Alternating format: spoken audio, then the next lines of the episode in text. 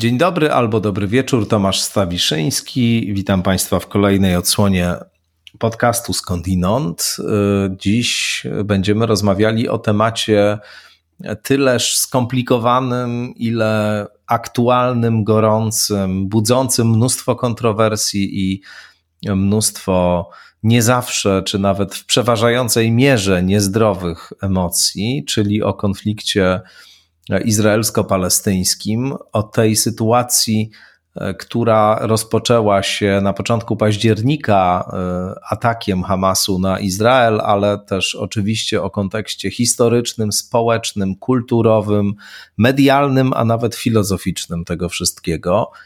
E, jest mi bardzo miło, że zaproszenie do skądinąd przyjęła dr Martyna Wielewska-Baka, adiunktka na Uniwersytecie Gdańskim, e, która od lat się specjalizuje w tematyce konfliktu izraelsko-palestyńskiego, e, która jest także wykładowczynią na judaistyce stosowanej na Uniwersytecie SWPS i jest autorką świeżo wydanej przez wydawnictwo Słowo Obraz Terytoria książki Anatomia Nieobecności Konflikt izraelsko-palestyński w mediach i w polityce.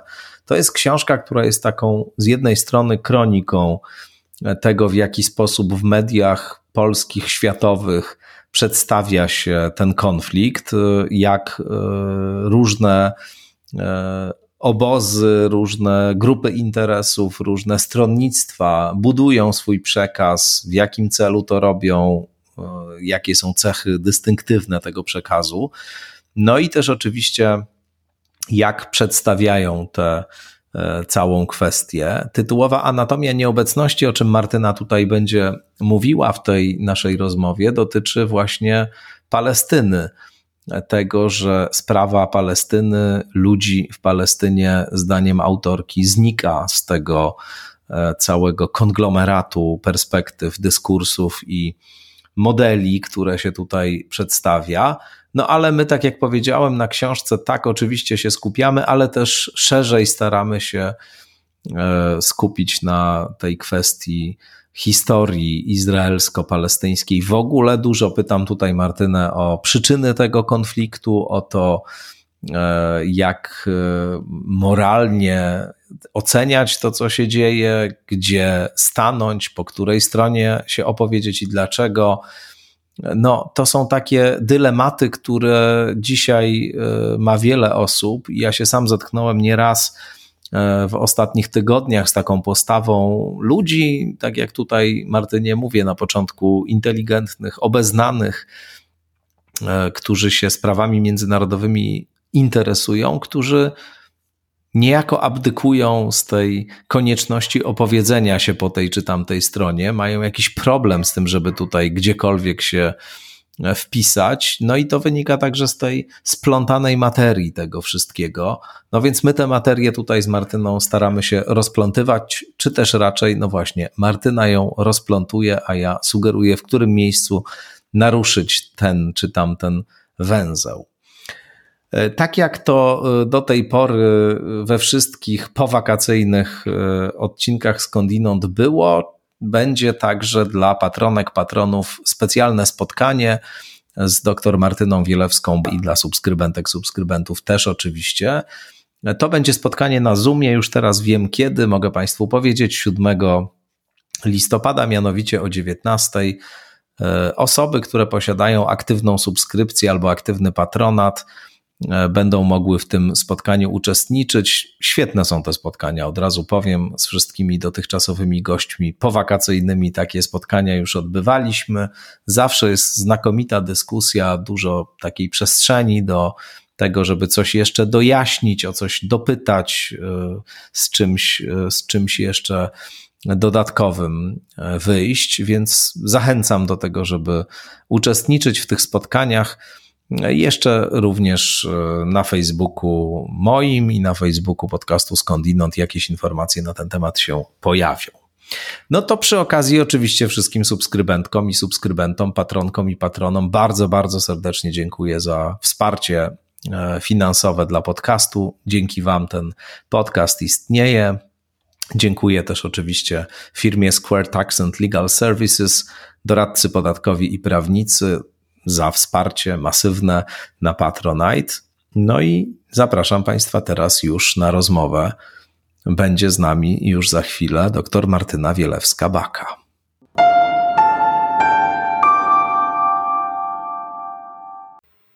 Doktor Martyna Wielewska-Baka gości w podcaście Skądinąd. Dzień dobry Martyno. Cześć, dzień dobry Tomku.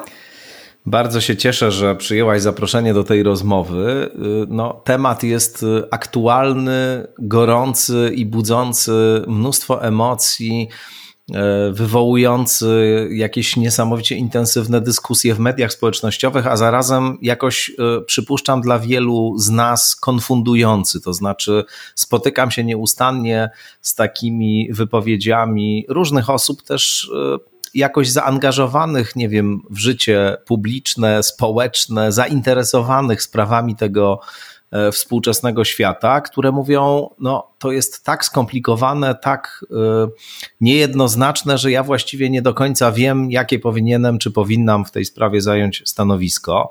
I oczywiście nie chciałbym, czy nie chcę, żeby teraz e, żebyś nam teraz mówiła, jakie mamy zajmować stanowisko, bo, bo, bo też nie na tym polega ta perspektywa, z której patrzysz na tę e, historię konfliktu izraelsko-palestyńskiego i e, teraźniejszość e, ale jakoś pewnie z taką myślą przystępuję do tej rozmowy, że pomożesz nam się trochę w tym wszystkim zorientować.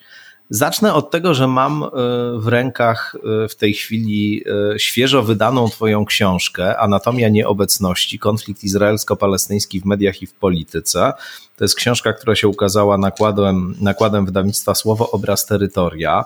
Ty się tymi zagadnieniami zajmujesz od wielu lat. Książka też jest owocem wieloletnich badań i, i takiego też aktywnego uczestnictwa w całej tej e, historii medialnego, e, medialnej obsługi, nazwijmy to, tej, e, tego konfliktu.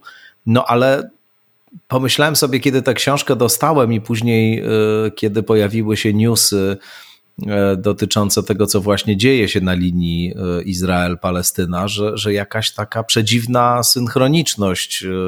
Ukazuje się ta książka w takim momencie niezwykle niezwykle problematycznym, silnym, medialnym i głośnym. Jak, jak widzisz w ogóle ten czas, w którym ta książka się, się pojawiła? Jak się, jak się z tym masz?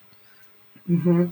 Dzięki, dzięki Tomku za to pytanie. Ja myślę, że to jest w ogóle bardzo trudne pytanie, bo mm, my jesteśmy, tak mi się wydaje, teraz w takim momencie no, bardzo dramatycznym. I po prostu też myślę, że to jest tak naprawdę mm, czas żałoby, to co, to co wszystko obserwujemy, to co się dzieje, te, to co mamy dostęp przez media do tej rzeczywistości wojny. I y, też myślę, że skupienie się i mówienie na temat niuansów y, tego, kto co popełnił źle, y, na czym co zaważyło, jest właśnie w takim momencie, w takim momencie właśnie tej dużej żałoby i tych dramatycznych wydarzeń po prostu bardzo trudne. Ja też myślę, że wielu z nas jest po prostu też w stanie, czy w fazie takiego szoku i, i niezrozumienia, właściwie w tej, w tej pierwszej fazie żałoby. Więc um, to, jest, to jest duże wyzwanie mówić o tej książce teraz, kiedy właśnie nie jest ten czas na analizy, na wyciąganie wniosków, tylko, tylko przeżywanie. Um, też niedawno Jarosław Kociszewski rozmawiał z, udzielał e, takiej krótkiej wypowiedzi w raporcie o stanie świata u Dariusza Rosiaka i wtedy powiedział właśnie dokładnie to, że teraz jest czas umierania, a nie dokonywania e, ocen.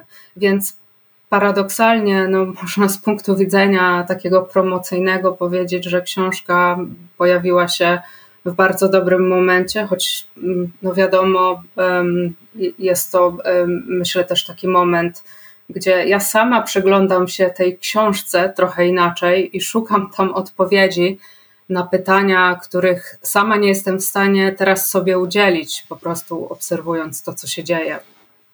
Właśnie ja się nad tym zastanawiałem dzisiaj przed naszą rozmową, kiedy jeszcze raz sobie Twoją książkę przeglądałem. Jak ty właściwie na to, co napisałaś, patrzysz e, z perspektywy tego, co się teraz dzieje? To oczywiście można powiedzieć, nie jest e, jakiś zryw o charakterze jakościowym. Mamy tutaj wszystko to, co już wcześniej jakoś e, się wydarzało, tylko że w ogromnej intensyfikacji. No ale niewątpliwie to ogromne medialne zainteresowanie, te niezwykle intensywne emocje, też te stanowiska bardzo wyraźnie zaznaczające się mhm. tu i tam, e, te demonstracje gigantyczne, które mamy w wielu europejskich miastach z poparciem dla Hamasu, z poparciem dla Palestyny albo z poparciem dla Izraela. No to jest w ogóle taki kontekst, który chyba jakoś rzeczywiście specyficznie czy w którym ty możesz w sposób taki jakiś nowy, specyficzny popatrzeć na to, co napisałaś? Czy, czy masz takie poczucie, a gdybym jeszcze mogła dokonać jakichś y, ostatecznych zmian redakcji, jeszcze coś dopisać, jeszcze coś dołożyć, to bym to zrobiła? Czy, czy raczej masz takie poczucie, nie, to jest y, właśnie to, co chciałam napisać, domknięte, kompletne, te wydarzenia nic tu nie zmieniają? Mhm. Um Myślę tak. E, myślę, że nie mam, nie mam takiego wrażenia niekompletności. I zaraz wyjaśnię dlaczego. Na pewno, na pewno jest takie wrażenie, że że oczywiście to wszystko, co się dzieje teraz jest e, no, jakby trochę wynikiem e, wynikiem tego, e, co mogliśmy obserwować przez ostatnie dwa lata, więc raczej patrzę na, na to, co się dzieje, choć tego absolutnie oczywiście nie można było przewidzieć, ale po wypowiedziach różnych ekspertów i tak zestawiając sobie to, co ja myślę, to, co myślą inni na temat tej, wojny, e, która, która się rozpoczęła 7 października, to myślę, że jest pewna, rysuje się pewna konsekwencja w myśleniu o tym, z czym mamy do czynienia e, teraz. I kiedy popatrzę e, na tytuł tej książki, Anatomia Nieobecności, tak jak zaczęłam od tego, że ten tytuł ma taki wymiar, którego ja nie umiem nawet nazwać, bo po prostu go nie ma w książce. To jest ten najbardziej dramatyczny wymiar, który mówi o tym, że no, anatomia nieobecności, no dosłownie na naszych oczach fragmenty palestyńskiego świata w tej chwili zostają e, zmiecione z powierzchni ziemi. Więc dosłownie obserwujemy to jakby unieobecnianie, ale to jest wymiar, który ja tak bardzo nieśmiało i z takim e, dużym, bym powiedziała, oczywiście badawczym dystansem zaznaczałam w tym, w tym właśnie tytule, w jego postaci poetyckiej, bo, bo tak, myślę, że taką postać ma ten tytuł, ten pierwszy człon Anatomia Nieobecności, bo nie mogłam spekulować ani przewidywać, więc ta po prostu hipoteza o tym, że być może postawimy sobie kiedyś e, pytanie, dlaczego Palestyna zniknęła z mapy Bliskiego Wschodu. Oczywiście Palestyna w takiej formule, e, na przykład w jakiej zapowiadały to, to, to lata 90. Więc jakby to, to, można mówić e, o tym, że już jej w tej chwili nie ma. Więc ona jakby jest ukryta w tym poetyckim języku. I Oczywiście, e, jak e, patrzę, spoglądam książki, do książki sama poszukując pytań, właśnie, bo to jest, to jest ciekawe, że mm, ja sama patrzę teraz, ta, ta książka e, no już mm, została oddana do, do druku no, kilka miesięcy temu, a przez te kilka miesięcy bardzo dużo się wydarzyło. Więc na pewno jakby ona jest aktualna w tym sensie, że znajdziemy tutaj całą analizę, mm, czy, czy jakiś chociaż kawałek tłumaczący, jakieś fragmenty tłumaczące, w jaki sposób ten prawicowy e, rząd e, dochodził do władzy w Izraelu i no, który, e, który sprawuje władzę również teraz, oczywiście biorąc pod uwagę, że mamy ten, ten rząd w tej chwili jedności. Mm, ale i, i poza, te, poza analizą właśnie te, tego czasu, przedwyborczego i czasu wyborczego. E, tym myślę najbardziej aktualnym wątkiem jest ta analiza z trzeciego rozdziału, gdzie ja się przyglądam militarnym taktykom e, prewencyjnym, militarnym taktykom ostrzegawczym. To jest coś, o czym też nieustannie w tej chwili dyskutujemy, w jakim stopniu E, jakie Izrael ma możliwości, żeby ochronić ludność cywilną w Gazie. I myślę, że to są takie wątki dość oczywiste, ale te, które, tak mi się wydaje, są e, najcenniejsze i które mogą nas, nam coś wytłumaczyć, e, czy, czy nie wiem, być jakąś wskazówką a propos tego, co dzieje się teraz, mm, to myślę, że to są dwie takie kwestie trochę bardziej ukryte. Mm, ale oczywiście nawiązujące do, do tytułu i do tego, co tutaj jest główną myślą, czyli ta próba odkrycia, zrekonstruowania, opisania, jakie są te, mm, te strategie marginalizacji czy unieobecniania e, e, Palestyny w dyskursie politycznym i publicznym. Mm, więc myślę, że podałabym tutaj e, e, dwie takie kwestie kluczowe. Pierwsza to jest kwestia bezpieczeństwa, bo powołuje się też na badania, w których, w których pokazuje, jak bardzo w tym czasie przedwyborczym kwestia bezpieczeństwa dla izraelskiego społeczeństwa była ważna. I to się stało zwłaszcza po tych rozruchach, e, po tych wydarzeniach, z którymi mieliśmy do czynienia w 2021-2002 roku e, w, w Izraelu, kiedy też pojawiły się eskalacje, w których była mowa o zagrożeniu um, operacją lądową, czyli też mieliśmy takie zagrożenie, że Izrael być może wejdzie e, do, do strefy gazy. Um, I tą ważną kwestią dla społeczeństwa izraelskiego była polityka wobec arabskich mieszkańców Izraela. I tutaj widać to było właśnie w badaniach um, przeprowadzonych w tym czasie przedwyborczym, a, a, mianowicie okazało się, że no mniej więcej 22, jedyne 22% izraelskiego społeczeństwa uważa, że konflikt E, można czy da się rozwiązać na drodze pokojowej, a więc bardzo mało. I jednocześnie 3 czwarte Palestyńczyków e, ankietowanych nie miało wówczas nadziei na powstanie niezależnego państwa. I te bardzo pesymistyczne prognozy, one też pokazują, jak ta kwestia bezpieczeństwa stała się ważna dla Izraelczyków w porównaniu do tego, co, z czym mieliśmy do czynienia przez ostatnie powiedzmy 15 czy 10 lat do, do czasu tego 2021 roku, kiedy Izraelczycy czuli się w miarę bezpiecznie. Wiadomo już, Izrael wybudował ogromny mur, mur dzielący zachodni brzeg i Izrael i strefę gazy. E, działa przecież żelazna kopuła, cały system antyrakietowy, który jest zresztą o wiele bardziej wielopoziomowy niż, niż tylko żelazna kopuła. Więc dla Izraelczyków ta kwestia bezpieczeństwa zaczęła być z powrotem bardzo ważna.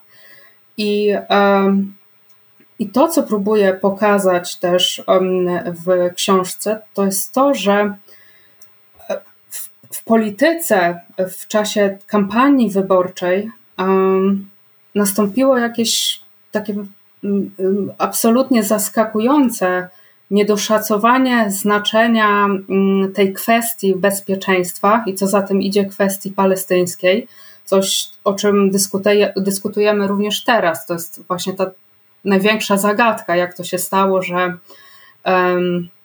że y, siły obronne Izraela, że wywiad nie zdołał przewidzieć tego, co się wydarzy. I, I, zamiast jakby zająć się tą kwestią, kwestią bezpieczeństwa, z taką niesamowitą lekkością mówiono na przykład o rozwiązaniu dwupaństwowym. Mm, wskazywano na to zagrożenie ze strony Iranu, które według niektórych, e, e, według jednego polityka, które było tym większym, bardziej bezpośrednim, tym bardziej realnym zagrożeniem i była kwestią, która może Izraelczyków jednoczyć, podczas gdy ta, ten wątek konfliktu izraelskiego, izraelsko-palestyńskiego społeczeństwo dzieli.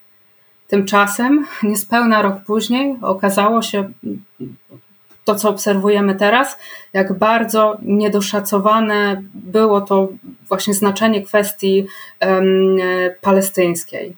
I skutki tego, myślę, obserwujemy po prostu teraz.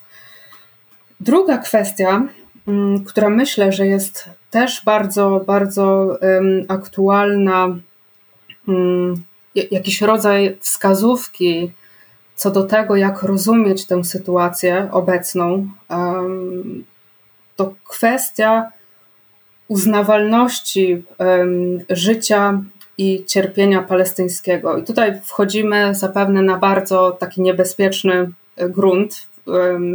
Bardzo. Tak, właśnie. Więc e, oczywiście Mm, myślę, że o tym w ogóle będziemy jeszcze mówić przy okazji tego, jak, jak, przedstawia się wojna w mediach, ale tutaj ja tylko zaznaczę, że ja próbowałam pokazać w książce, że niektóre, mm, że są bardzo newralgiczne momenty, kiedy niektóre narzędzia polityczne stają się bardzo niebezpieczne.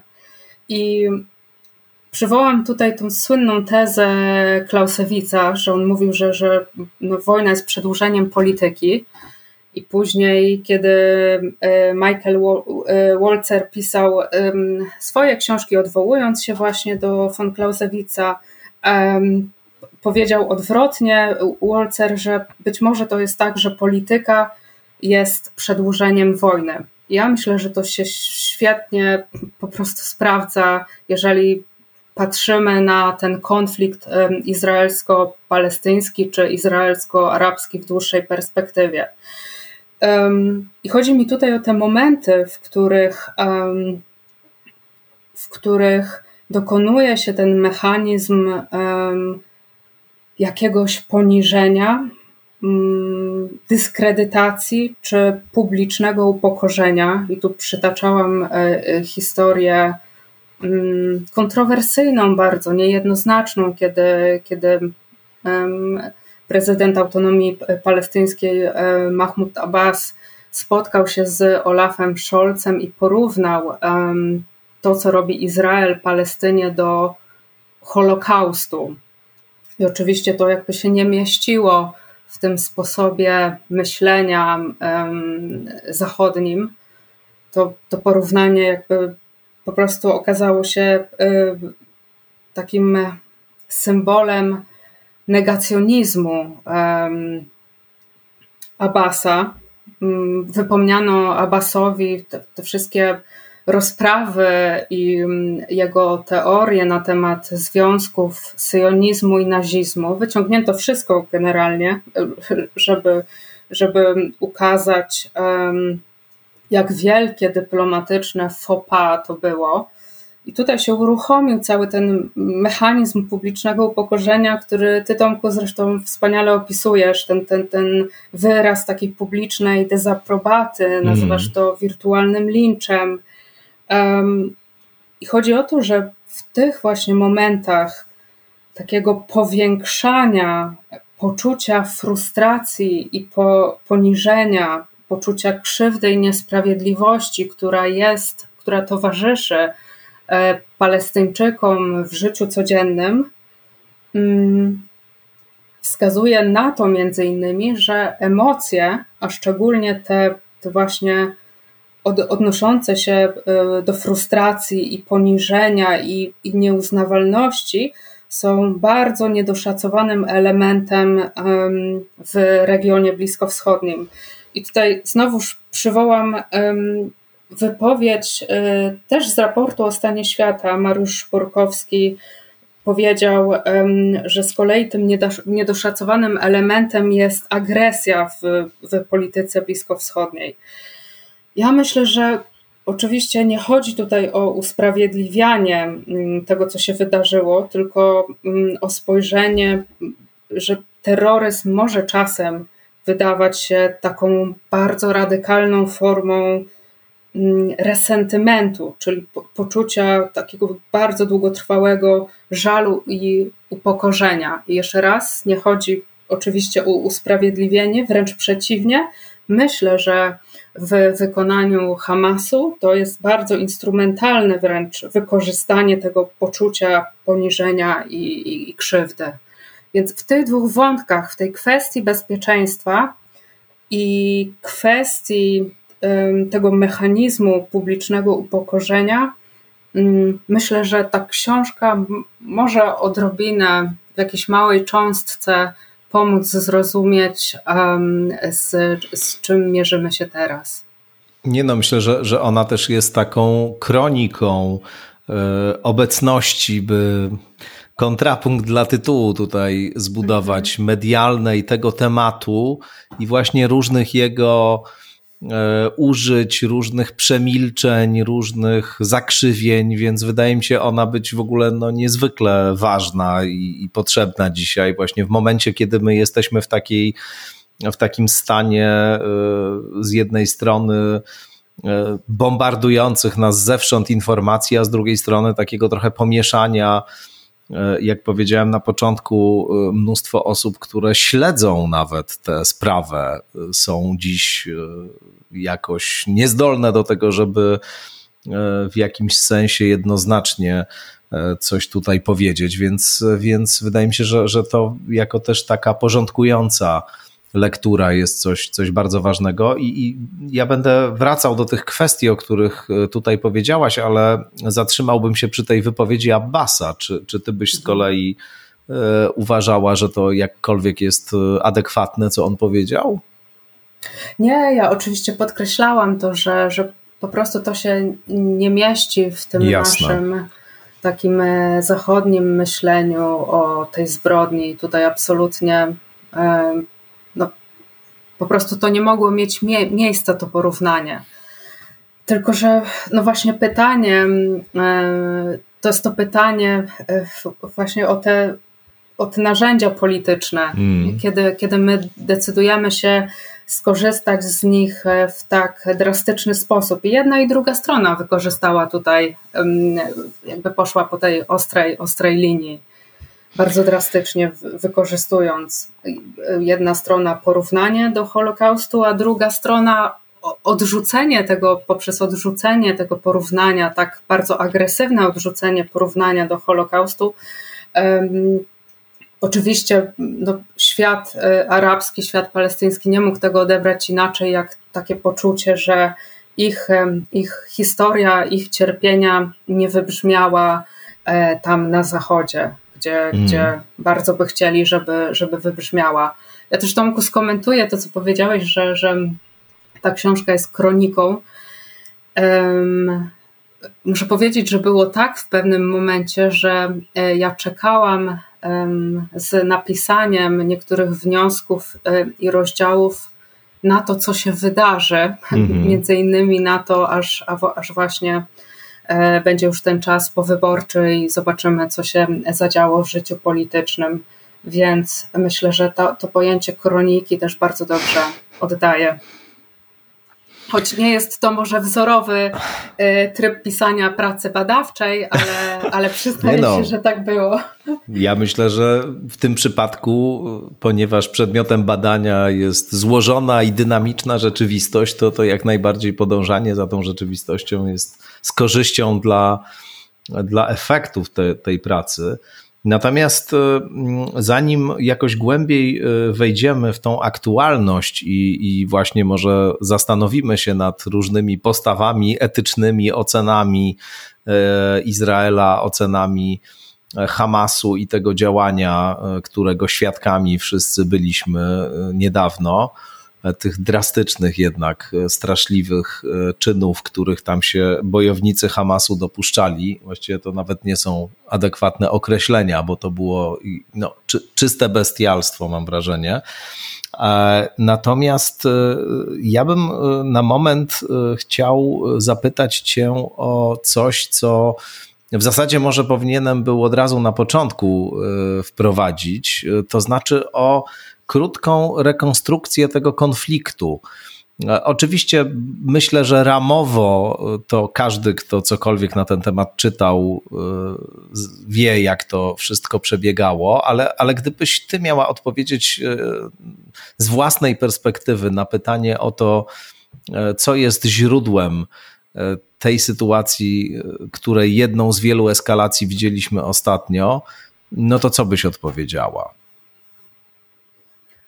Ja myślę, Bo że... bardzo często, mhm. bardzo często e, w takich wypowiedziach współcześnie, e, tych takich aktualnych bardzo, które się odnoszą do mm, tego, co niedawno się wydarzyło i co dzieje się cały czas, takich na przykład wypowiedziach e, wyrażających jednoznaczne poparcie dla Izraela, mówi się o tym, że no, jeśli chodzi o agresję, to agresja od początku była z tamtej strony, to znaczy nie Izrael był siłą, która rozpoczęła, nazwijmy to, ten konflikt czy, czy tę wojnę. Izrael się od początku bronił. Oczywiście tam jest kwestia praw e, społeczności żydowskiej do tej ziemi, to jest wszystko e, no, coś, na temat czego napisano długie E, wielkie e, książki i, i co jest cały czas przedmiotem kontrowersji, ale ten rdzenny argument jest taki po pierwsze, to nie Izrael zaczął, po drugie, Izrael jest jedyną liberalną, nazwijmy to, demokracją,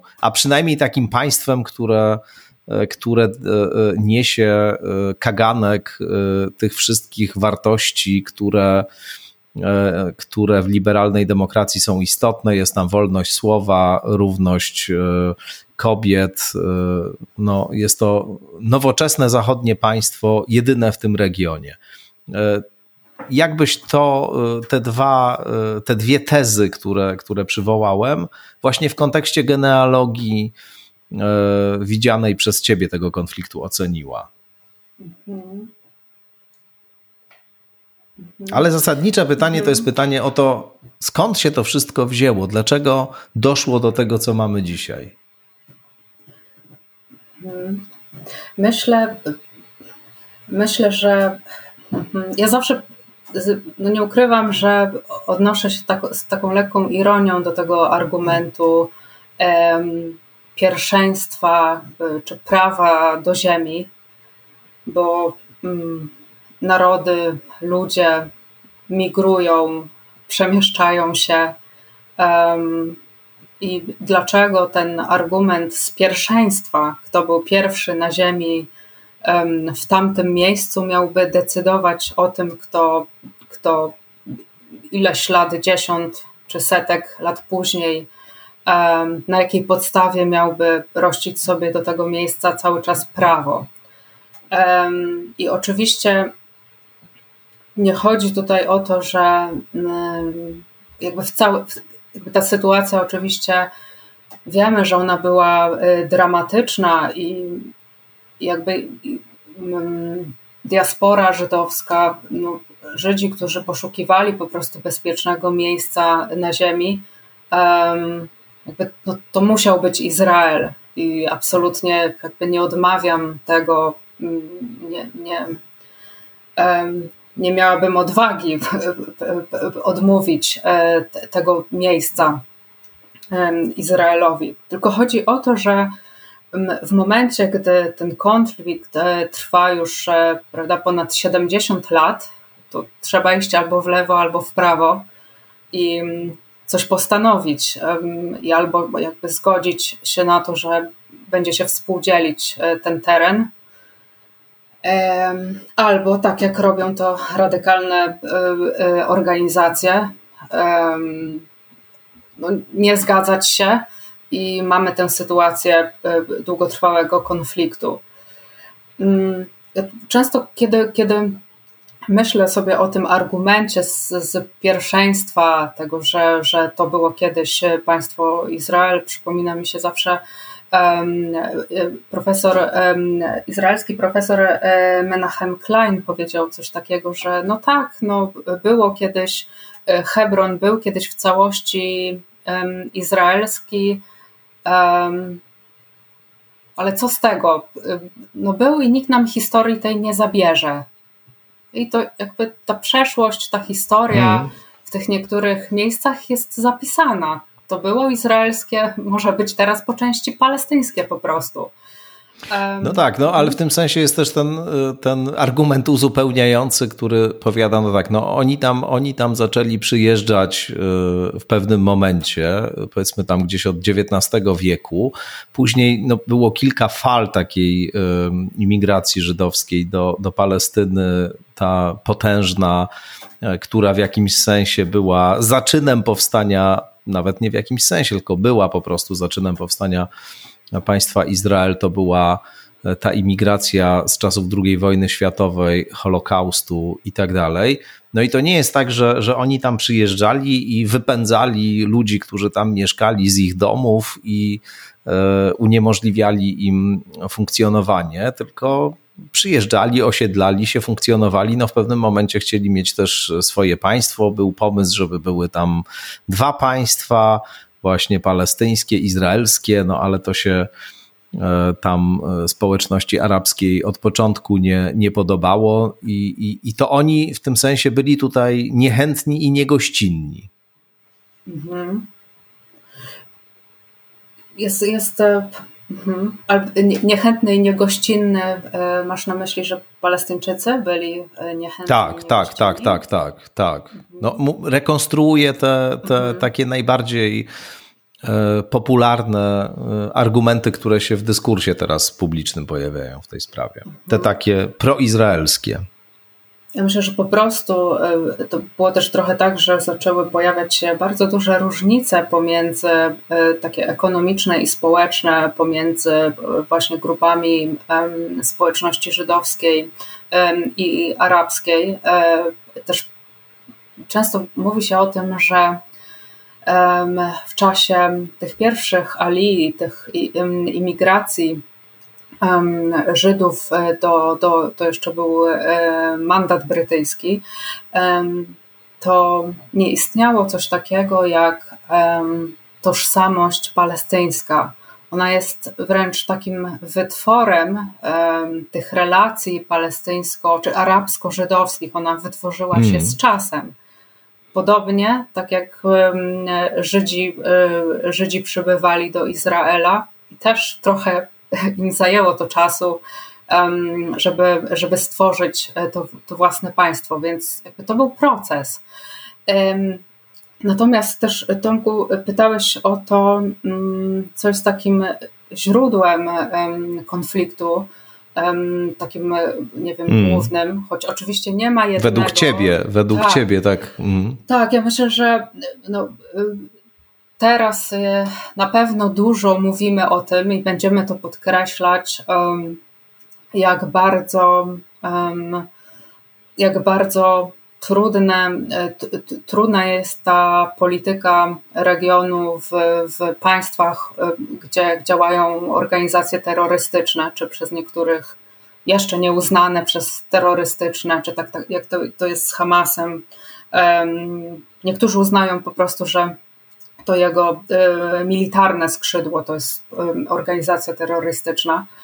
Więc to jest na pewno ogromne wyzwanie Mm, ten, ten szerzący się terroryzm, pewnie też do tego dzisiaj jeszcze wrócimy, ale ja, ja myślę też, że takim, taką kluczową sprawą przez te dekady, przynajmniej ostatnie, jest to, że jest taka teoria mówiąca o tym, takie rozważania, nie wiem, historyków, strategów, polityków, którzy przyglądają się procesowi tego nieudanego pokoju na Bliskim Wschodzie, którzy czasem mówią, że te porozumienia w Oslo z roku 90, 1993 i 1995, na mocy których Izrael uznał autonomię palestyńską, powstała wówczas właśnie autonomia palestyńska, ale nie osobne państwo,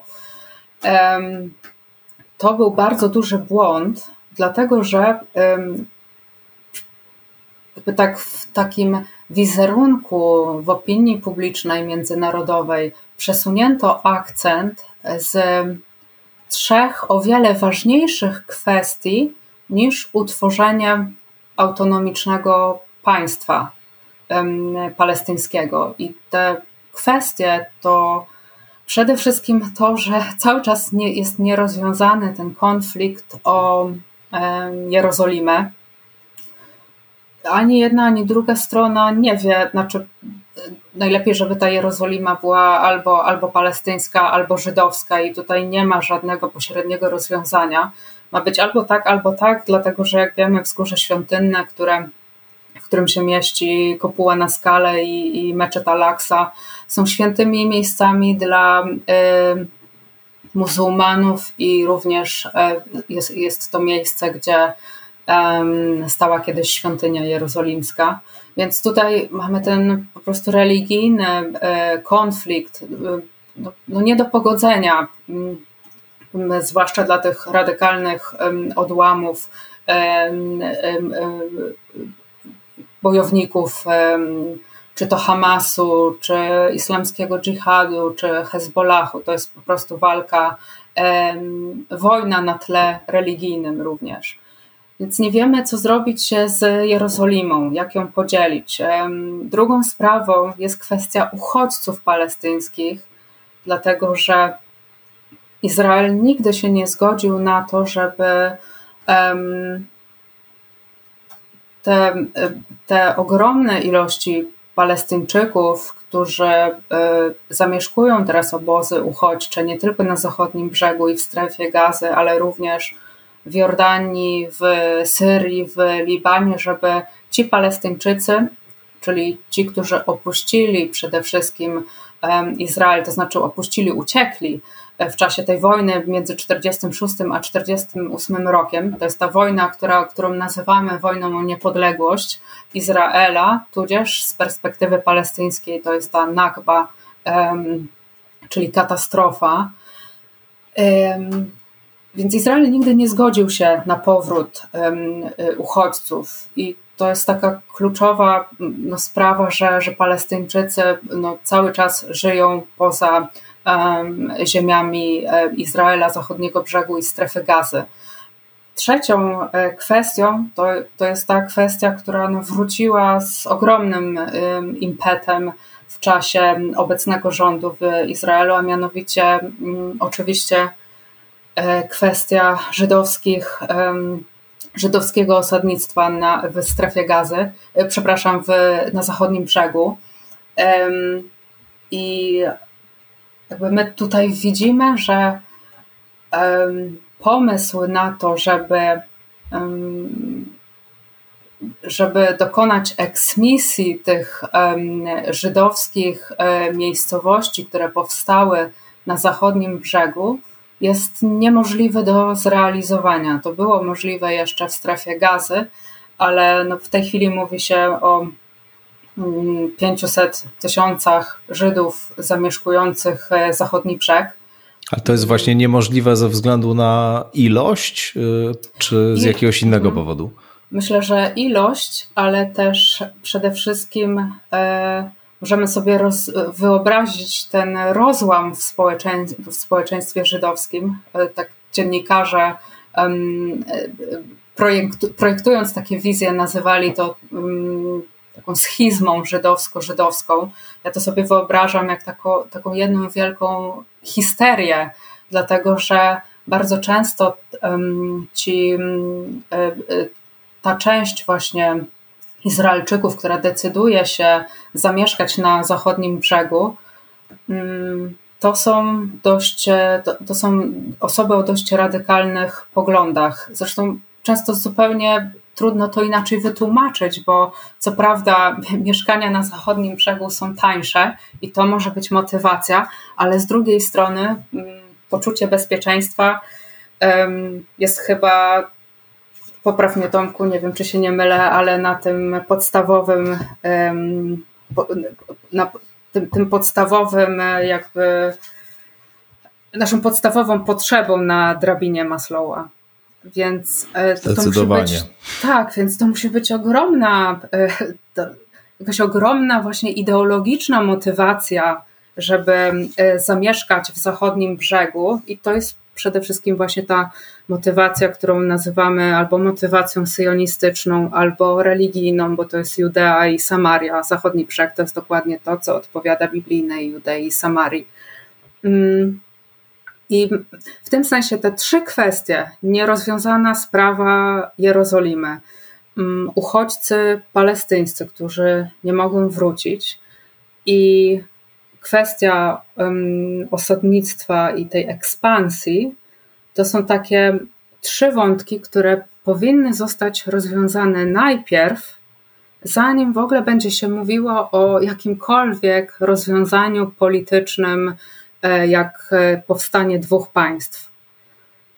Dlatego, dlatego też myślę i z takim powątpiewaniem cały czas, e, mm, ale też może dużym zaskoczeniem, patrzę z jaką łatwością idzie niektórym politykom przywoływanie cały czas tego hasła rozwiązania dwupaństwowego. Teraz nawet Joe Biden też tydzień temu, jak, jak był w Izraelu, to też przecież bardzo dyplomatycznie odpowiedział, że tak, on cały czas popiera rozwiązanie dwupaństwowe, ale wydaje mi się, że.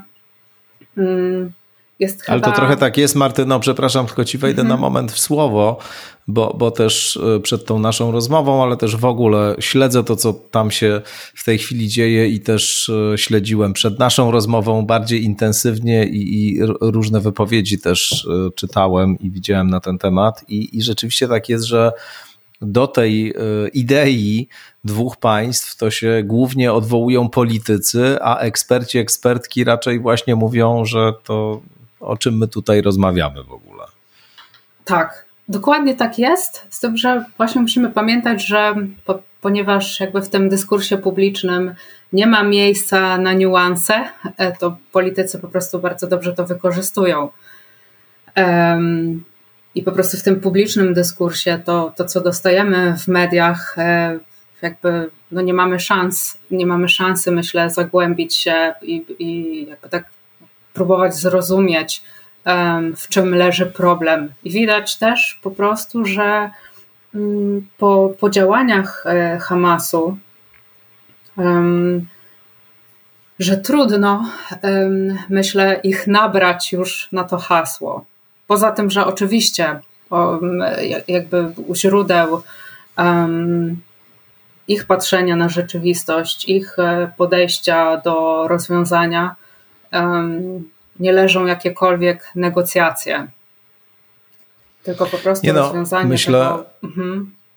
Myślę, że, że to, co oni e, teraz zrobili, a co jest porównywalne e, dość powszechnie, czy porównywane dość powszechnie do ataków na World Trade Center, to znaczy mhm. skala tego uderzenia proporcjonalnie w Izrael jest mniej więcej taka jak e, wtedy w Stanach Zjednoczonych i, i też szok e, opinii publicznej e, jest, e, myślę, analogiczny. No myślę, że po tym to już chyba sami sobie zamknęli drogę w ogóle do jakichkolwiek negocjacji, bo, bo też trochę sobie nie wyobrażam, żeby po tym, co, co, co oni zrobili, po, po, tych, po tych zbrodniach, które, które tam, których tam dokonali, żeby, żeby ktoś z nimi siadał do stołu. No to by też było dość, e, powiedziałbym, chyba mm, fantazyjne, żeby tak realnie myśleć I, i, i też chyba oni sobie z tego zdają sprawę, jak sądzę, to znaczy myślę, że to wydaje się być coś, co świadczy o tym, że tam e, no po prostu mamy do czynienia z zero-jedynkową, z zero-jedynkowym postawieniem sprawy. Jak ty, tak, jak ty to widzisz? I, I tak i nie, mm. bo wydaje mi się, że w tym pierwszym momencie takiego absolutnego szoku, kiedy też premier Izraela Benjamin Netanyahu od razu odwołał się, powiedział od razu publicznie, że będziemy mieli do czynienia z, nie z operacją militarną, tylko z wojną i Izrael dokona ogromnej zemsty i agresji, to wydawało się, że rzeczywiście nie będzie tutaj e, miejsca na żadne negocjacje. I, i Izrael oczywiście zaczął od razu um, zbierać, um, rekrutować rezerwistów. W tej chwili chyba już, już zakończył tę, tę akcję um, gromadzenia wojsk 300 tysięcy. E, żołnierzy i, i przy strefie gazy i na tym froncie północnym przy granicy z Libanem.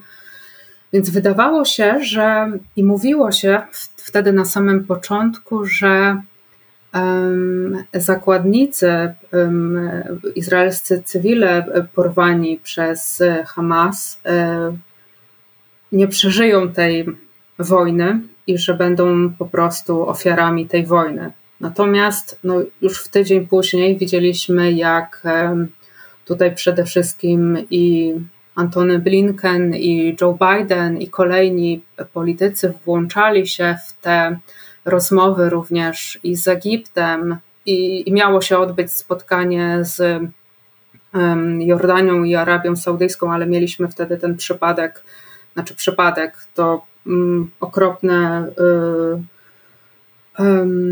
zamieszanie wokół e, ostrzału szpitala w, w gazie.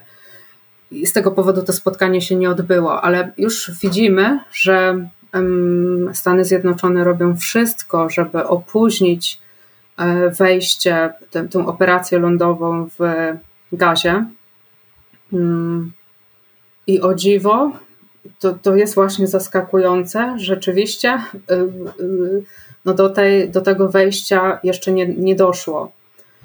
I teraz myślę sobie, że y, no, dzieje się tak dlatego, że no, Izrael, społeczeństwo izraelskie jest w ogromnej żałobie. Możemy sobie wyobrazić, że przecież wkroczenie wojsk lądowych do strefy gazy jest równoznaczne ze śmiercią tych żołnierzy, bo oni pójdą na pierwszy ogień, pójdą jakby no, szukać tych wejść do, do podziemnych korytarzy, gdzie mówi się o tym, że no, czekają na żołnierzy niezliczona, niezliczona ilość pułapek.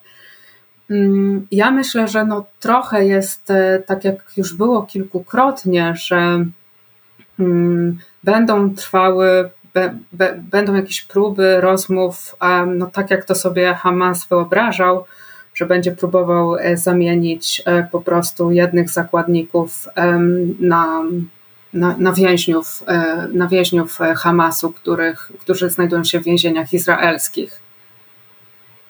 Jak, jak to się potoczy? Mm, no, nie, mamy, nie mamy pewności, ale mm, myślę, że po prostu eskalacja tej wojny, tak o tym się zresztą mówi.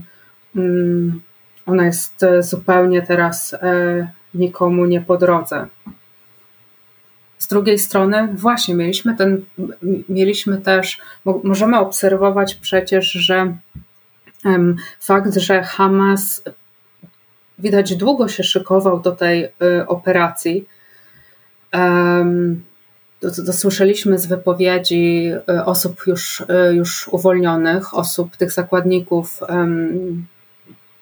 ich jest dotąd czwórka, że Hamas był bardzo dobrze przygotowany prawdopodobnie na długotrwałe przetrzymywanie zakładników, więc oni musieli zakładać taki plan, że ta operacja lądowa nie rozpocznie się od razu mam wrażenie, że mm, powoli, powoli ta mm, chęć takiego działania w zemście i w ogromnej agresji, ona nieco opadła, oczywiście dzięki wysiłkom Stanów Zjednoczonych. Jak popatrzymy na, tą, na tę wypowiedź e, Joe Bidena sprzed tygodnia, mm, to, to Joe Biden no, no, dosłownie to mówi tak, jakby mm, rekonstruował wręcz w tej swojej wypowiedzi teorię wojny sprawiedliwej, a mianowicie mm. zwraca się do, do mm, do, do Izraela. Izraela mówi oczywiście o tym, że Stany Zjednoczone będą stać po stronie Izraela, że Izrael ma prawo do obrony, że, że USA zrobią wszystko, żeby walczyć z terroryzmem, ale mówił wówczas również o tym, że mm, Stany Zjednoczone popełniły ten błąd takie, takiego działania w afekcie. Nie użył tych słów, ale e, mówił o, tej, o tych pochopny, pochopnych, agresywnych e, działaniach e, i myślę, no miał tu na myśli pewnie tą drugą wojnę w Iraku.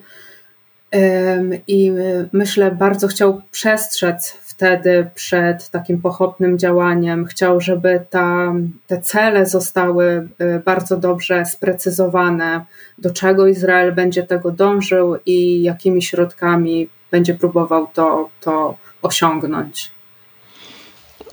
Jak ty byś widziała e, w ogóle jakieś e, potencjalne rozwiązanie tej sytuacji? Wiem, że to jest pytanie przekraczające ramy i tej rozmowy, i tego, czym się zajmujesz. Zdaję sobie z tego sprawę, no bo przecież nie wymyślimy tutaj na poczekaniu jakiegoś gotowego rozwiązania dla sytuacji, która jest nierozwiązana od tylu lat i doprowadziła do takiej ilości cierpienia, przemocy, śmierci i tak dalej. Natomiast e, zastanawiam się właśnie, jak ty byś widziała e, z jednej strony scenariusz, który uważasz za e, optymalny, a z drugiej strony mm, realistyczny, tak żeby to zarazem było coś, co faktycznie mm, mogłoby oznaczać nie wiem, czy definitywny koniec te, tego koszmaru, który tam trwa, ale w każdym razie coś, co jakoś e, e, czasowo przynajmniej działa w taki sposób, a, a z drugiej strony, no właśnie chodzi mi o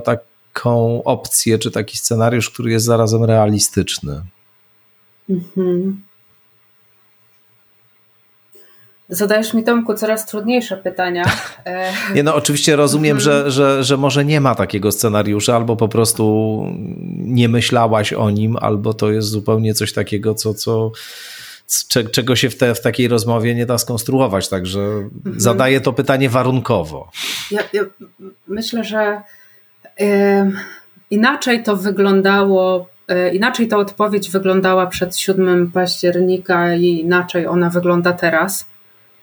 Mm, można było chyba przed 7 października e, wyobrażać sobie takie rozwiązanie, mm, że rzeczywiście utworzy się to państwo palestyńskie, ale któraś strona musiałaby pójść na szeroko, daleko idące ustępstwa.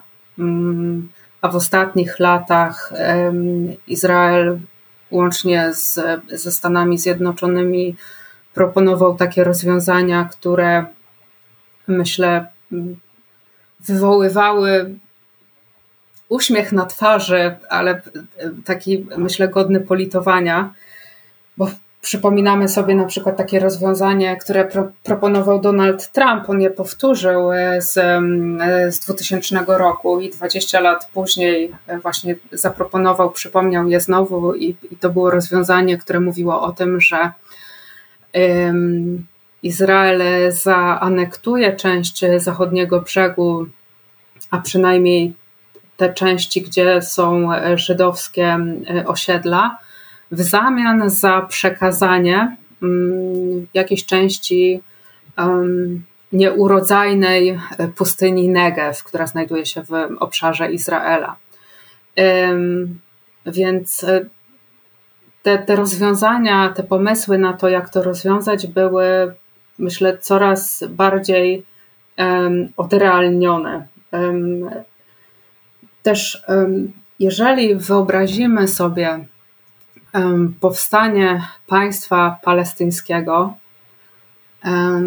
to tutaj wypowiem coś, coś bardzo kontrowersyjnego, a mianowicie myślę, że okupacja, tak jak nazywamy to, co dzieje się na zachodnim brzegu. Już, już Choć formalnie nie ma okupacji od pewnego czasu. Formalnie tak, mhm. Ale jeżeli zgodzimy się na to, że to jest izraelska okupacja, to powiem, że no, ona nie jest tym najgorszym, co możemy sobie wyobrazić.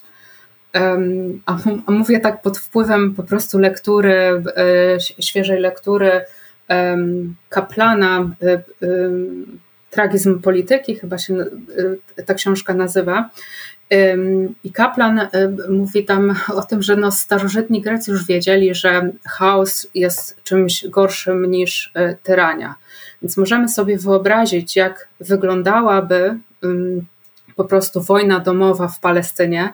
Zresztą mamy to takie doświadczenie przecież z krajów postkolonialnych, tego, co się działo przecież w Iraku, kiedy, kiedy i w, i w Afganistanie, kiedy USA się wycofywało. Więc to jest czas po prostu krwawej wojny domowej i najprawdopodobniej należałoby się spodziewać, że tak byłoby również w takim nowo powstałym państwie, jakim e, byłaby Palestyna, gdzie walczyłyby ze sobą frakcje, różne frakcje e, polityczno-militarne, a mianowicie pewnie Hamas, e, pewnie Al-Fatah, który, który obecnie jest tym, reprezentuje autonomię palestyńską mm, i islamski, palestyński islamski dżihad może.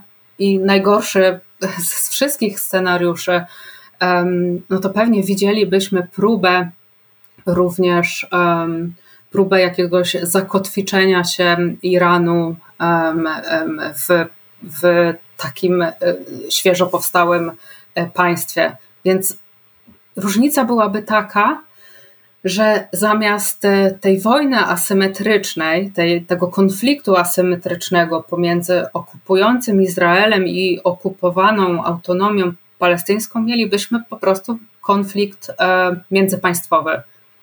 Mm, w dodatku Izrael nie miałby już takiej możliwości infiltracji tych terenów, żeby mm, zabezpieczyć się przed aktami terroryzmu. Więc y, no wszystko to jest bardzo, bardzo czarny scenariusz, mało zadowalający, ale um, wydaje mi się, że jest i tak um, najlepszy z możliwych, bo um, Izrael w ten sposób mógłby zdjąć z siebie e, odpowiedzialność za te tereny. Tak jak zrobił to zresztą ze, stref, ze strefą gazy, co jak teraz widzimy, nie wyszło, nie wyszło e, na dobre, jeśli też można w takim ironicznym tonie to powiedzieć. No, z drugiej strony, mm, mm, proszę, proszę. Tak, Tomku, ale skomentuj, bo ja zaraz przejdę po tym do Nie, tego. nie, ja chciałem, ja chciałem tylko przywołać yy, z drugiej strony, bo mówiłaś, yy, wydaje mi się, zarysowałaś to, to, to w sposób taki bardzo precyzyjny, co, co wydaje mi się ciekawe bardzo, ale, ale w tym kontekście chciałem przywołać wypowiedź yy, Ismaila Hania, e, który e, po tych atakach, e, pamiętasz może, wydał takie oświadczenie, które miało być komunikatem do Izraela w związku właśnie z tym, co się wydarzyło. No i tam jest jednoznaczny komunikat, który mówi: do widzenia, wynoście się stąd, ziemia jest nasza, Jerozolima jest nasza, wszystko tutaj jest nasze, nie będziecie bezpieczni, e, nigdy nie będziecie bezpieczni i tak dalej. E, I, e, i co, co, co, co o tym sądzisz? Mhm. Mhm. Mhm. Pytanie. No bo tutaj co? jest, e, mhm. ja, ja, ja, chcę przejść powoli do mm, tego wątku związanego właśnie z e, jednej strony z książką, to znaczy z tą analizą, e, której dokonujesz, a z drugiej strony z taką próbą, którą której też dokonujesz w książce, która jest jak najbardziej badawczo uzasadniona, ale mnie ona właśnie zaintrygowała w tym kontekście mm, zaintrygowało mnie, czy, czy, czy ona jest w ogóle możliwa do utrzymania, ta postawa, którą masz. To znaczy, mhm. starasz się analizować dyskurs, starasz się analizować sposób, w jaki różne strony tej sytuacji o sobie mówią, o sobie myślą, jak siebie wzajemnie reprezentują w swoich wyobrażeniach, sposobach mówienia, opisywania tej sytuacji z uwagi na różne interesy, zaangażowania i tak dalej ale próbujesz zachować taką pozycję neutralną, z, z, pewną taką, do czego się zresztą przyznajesz na początku, jednak krytycznością wobec y, polityki y, państwa Izrael, bo tutaj odwołujesz się dużo też do autorek, autorów, którzy wobec y, rozmaitych ambicji, nazwijmy to, Izraela i, i tego, w jaki sposób to państwo funkcjonuje, są krytyczni. No i właśnie zastanawiam się, czy, czy to jest, y, na ile to jest pozycja możliwa, na ile zachowanie w tym przypadku takiej y, badawczej neutralności jest y, powiedzmy gestem, którego dokonujesz jako doktor Martyna Wielewska-Baka, badaczka, która się rzeczywiście przy, przygląda temu i bada to w granicach akademii, a w momencie, kiedy z akademii wychodzisz i jesteś już Martyną Wilewską-Baką, która czyta o tym wszystkim, przeżywa to, obserwuje, bywa w tych miejscach, zna ludzi z jednej, z drugiej strony, to na ile E, powiem e, poetycko i obrazowo, twoje serce jest dalej neutralne w tym, e, w tym co się dzieje, co widzisz i tak dalej. To, to mnie bardzo ciekawi i, i jeśli mm. mógłbym cię prosić o, o jakąś odpowiedź, to, to, to by było to dla mnie bardzo interesujące, choć oczywiście też zastrzegam, że rozumiem, że, że może nie chcesz o tym mówić po prostu i, i to nie, nie ma mhm. problemu, jeśli nie chcesz o tym mhm. mówić, ale, ale to jest dla mnie ciekawe, na ile to jest w ogóle możliwe, w tej sytuacji. Mm, no także wobec e, tych, tych jednak straszliwych okrucieństw, których te akty terrorystyczne, e, z, z którymi w tych aktach terrorystycznych mieliśmy do czynienia, czy mamy do czynienia. Mm -hmm, To jeszcze tam krótko odniosę się do, do tej wypowiedzi, którą -hmm. przywołałeś Ismaila Hanieha. Ja, ja, tutaj tylko powtórzę, bo, bo dodam właściwie, bo mm, co, co tutaj, co, co można skomentować e, tutaj w przypadku militarnego skrzydła Hamasu, Hamas jako islamski ruch oporu, on ma zapisane w tej swojej karcie z 1988 roku, że no jego, jego wrogiem jest państwo żydowskie w Palestynie. I um, Hamas jako taki nie chce żadnych negocjacji i traktuje przedstawicieli autonomii e, palestyńskiej jako zdrajców, kolaborantów, e, którzy współpracują z Izraelem. I dla nich niemożliwe jest e, pójście tą drogą. Mm, także ja myślę, że ta po prostu religijna e, deklaracja i to, że jakby Izrael dobrze wie, że, że, że jakby od lat, e, mimo że Hamas dawał zupełnie inne znaki ostatnio, przez ostatnie nie wiem, rok, dwa lata, że, że nie chce eskalacji, to teraz widać wyraźnie, że, że przez wiele miesięcy przygotowywał się do e, do, do militarnej e, konfrontacji. Mm, nie wiem, czy tu odpowiedziałam na to, co, e, co chciałeś Tomku usłyszeć. E, tak, tak, jasne, jasne. Mhm. I teraz, I teraz pytanie o. Mhm. Na początku, tak starając się w pełni odpowiedzieć na Twoje pytanie, to jest ciekawe, co mówisz, dlatego że profesor Monika Bobako, która, która była recenzentką tej książki, zwróciła mi uwagę, że, mm, że włącze, włączenie mini reportażu do książki w pewnym momencie działa jakby na niekorzyść tutaj tych argumentów, o, które. W ogóle nie. Mhm. Zupełnie to, się nie zgadzam. To było jej takie pytanie, czy, czy mm. przypadkiem nie boję się tego, że sytuując się gdzieś tam właśnie um, w, w obozie uchodźców Jenin, um, ja przypadkiem nie przestaję być bezstronna. Mm. I ja myślę, że ta, ta taka próba zobaczenia wszystkiego ze wszystkich stron, ona nie wynika, ona nie tyle wynika z tej próby mm, bycia obiektywną, co ja po prostu mam, my, myślę, że mam takie przekonanie, że my możemy jakby spojrzeć na niektóre decyzje, na niektóre wydarzenia tylko w tym ich małym kontekście i tylko w tym małym kontekście to da się ocenić, ale jak z, mm. zaczynamy budować z tego historię, która się składa z taką narrację opowieści o konflikcie izraelsko-palestyńskim, to nie da się po prostu zrobić z tego równania, z którego nam wyjdzie, która strona jest dobra, a która jest zła.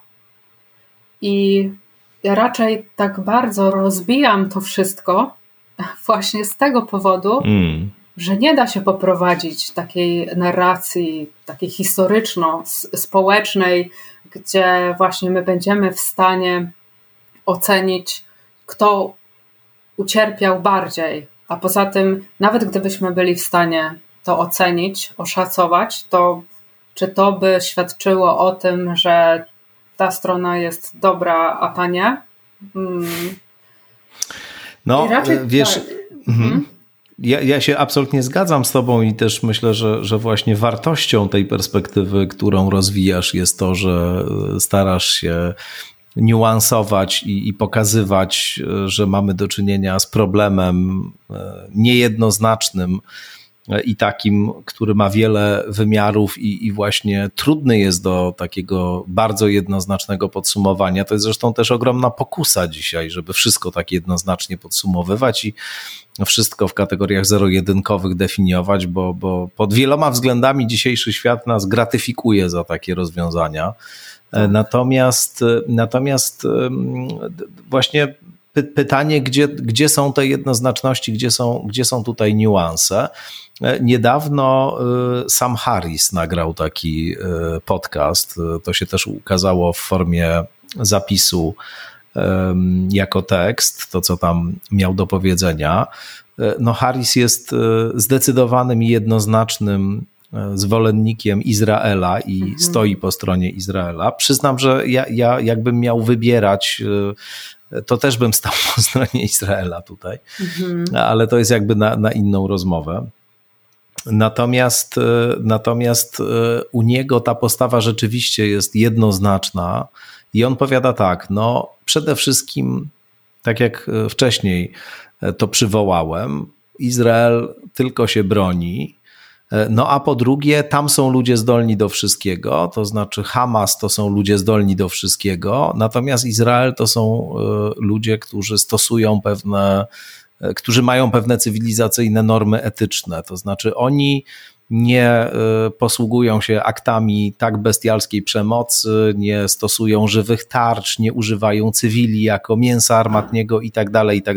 Tam cały szereg różnych takich działań e, on wymienia. Więc jakby mamy do czynienia z dwiema, nazwijmy to, kulturami, z których jedna stoi wyżej moralnie od drugiej i musimy poprzeć tą, która stoi moralnie wyżej bo ona jest ekspozyturą Zachodu w tamtym regionie.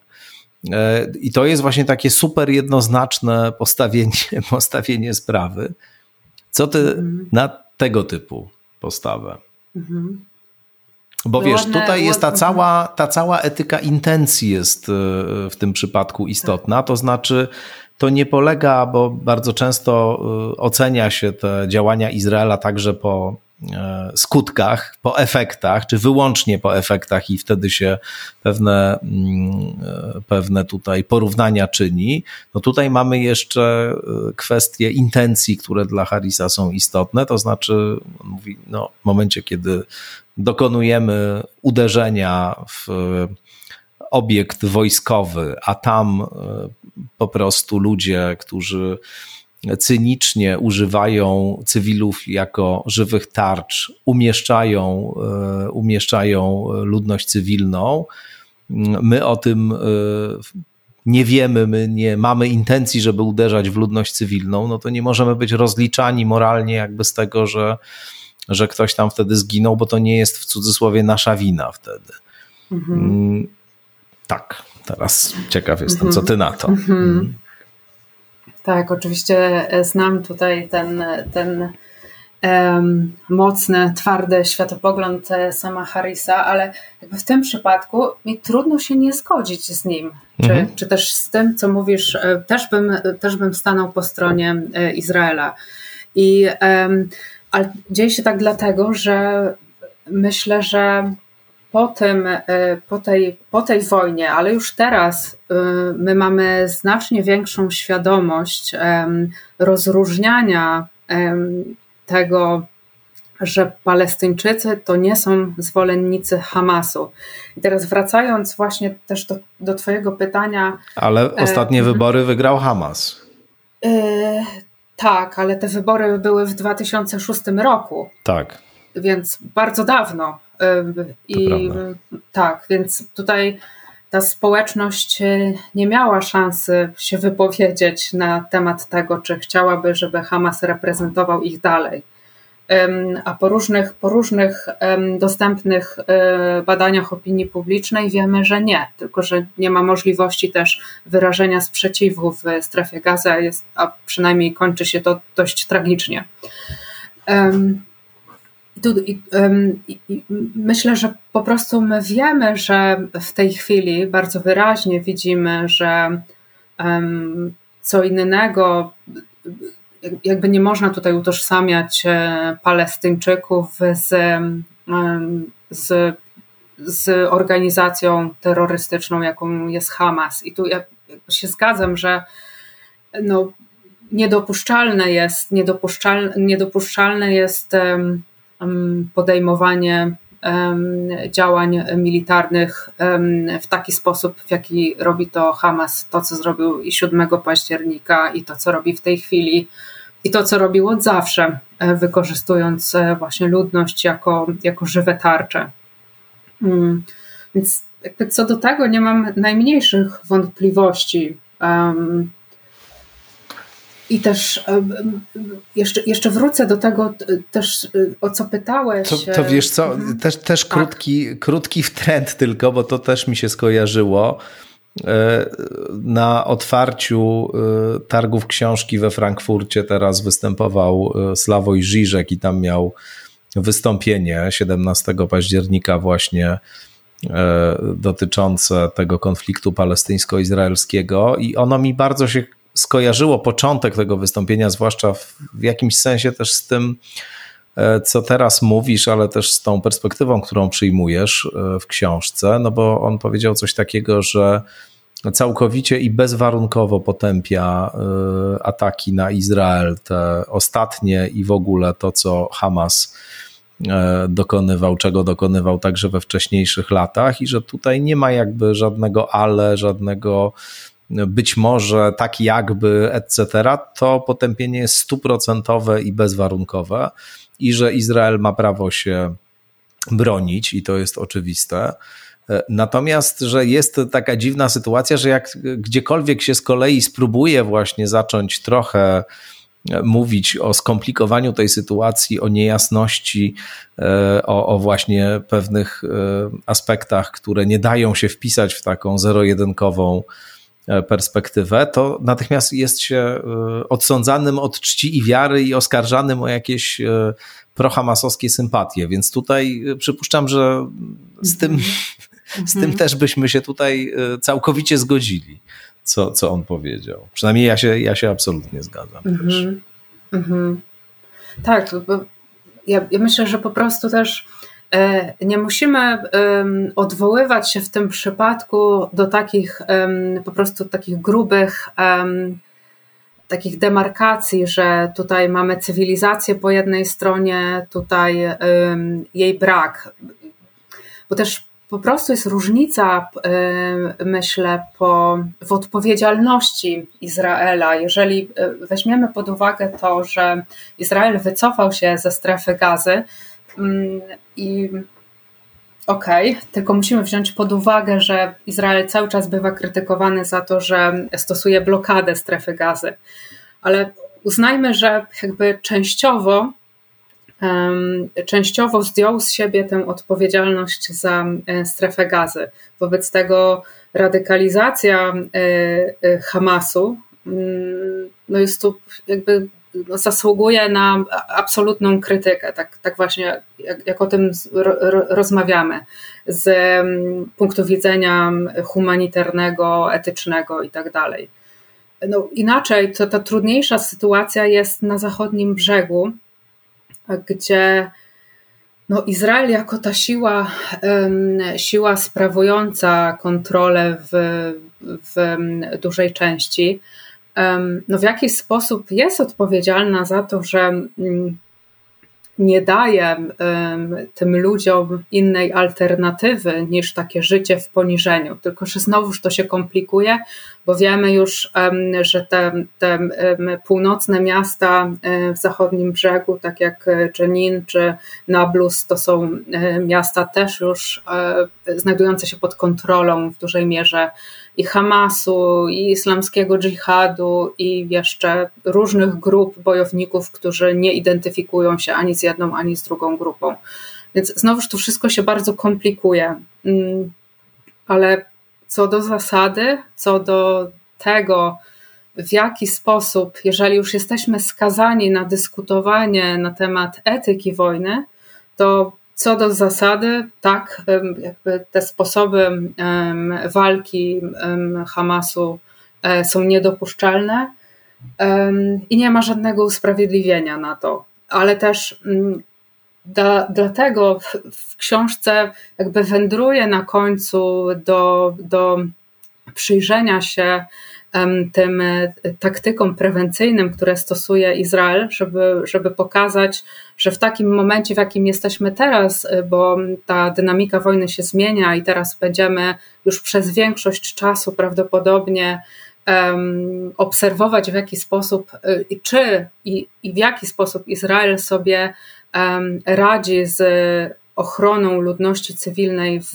Gazie więc trzeba po prostu też spojrzeć na to, ile lat zajęło Izraelowi opracowanie tych różnych taktyk e, prewencyjnych i jak on się w tym doskonali.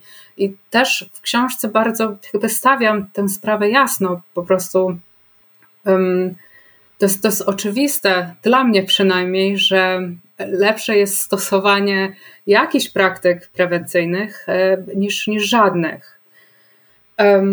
I Tomku, y, jeszcze y, wracam do, do tego pytania o to, o to, pytałeś mnie o tę mm. moją metodologiczną, tak. ta, taką neutralność, a jak to się dzieje, kiedy ja przestaję być e, właśnie osobą piszącą, e, e, nie wiem, naukową książkę. Mhm. Mm. I myślę, myślę, że rzeczywiście jest tak, że ja jestem dosłownie po jednej i drugiej stronie, to znaczy od dwóch tygodni dostaję y, wiadomości, wymieniam, wymieniamy maile, wiadomości głosowe, telefony z jedną i drugą stroną. I wygląda to Wygląda to podobnie, bo jakby serce jest rozdarte tą ilością potworności, która, której opisy dostaje i z jednej i drugiej strony, że w ogóle nie sposób jest tutaj szacować i oceniać, bo to jest też taki moment tego uczestniczenia w tym y, cierpieniu, i w tej jakby potężnej żałobie, która, która ma miejsce po jednej i drugiej stronie.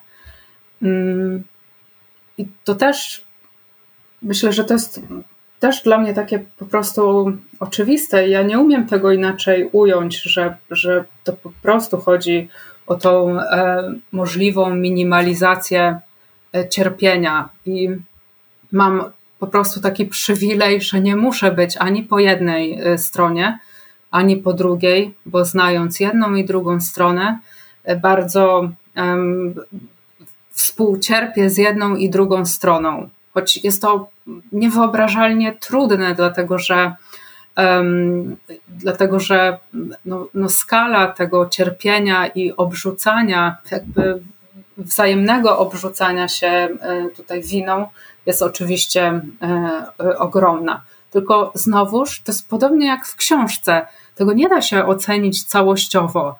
Kiedy mm, przytoczę historię właśnie może z maja e, tego roku, e, kiedy byłam w Nablusie na zachodnim brzegu. E, to jest miasto, do, do którego pojechałam na Uniwersytet Anna Żach.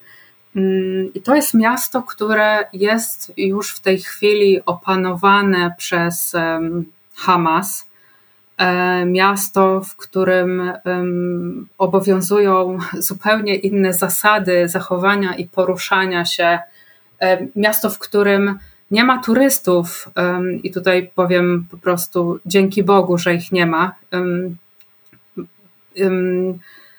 Czemu dzięki Bogu?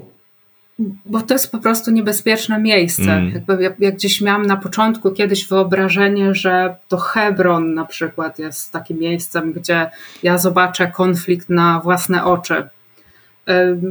No ale w Hebronie widziałam jakby obrzucających się kamieniami.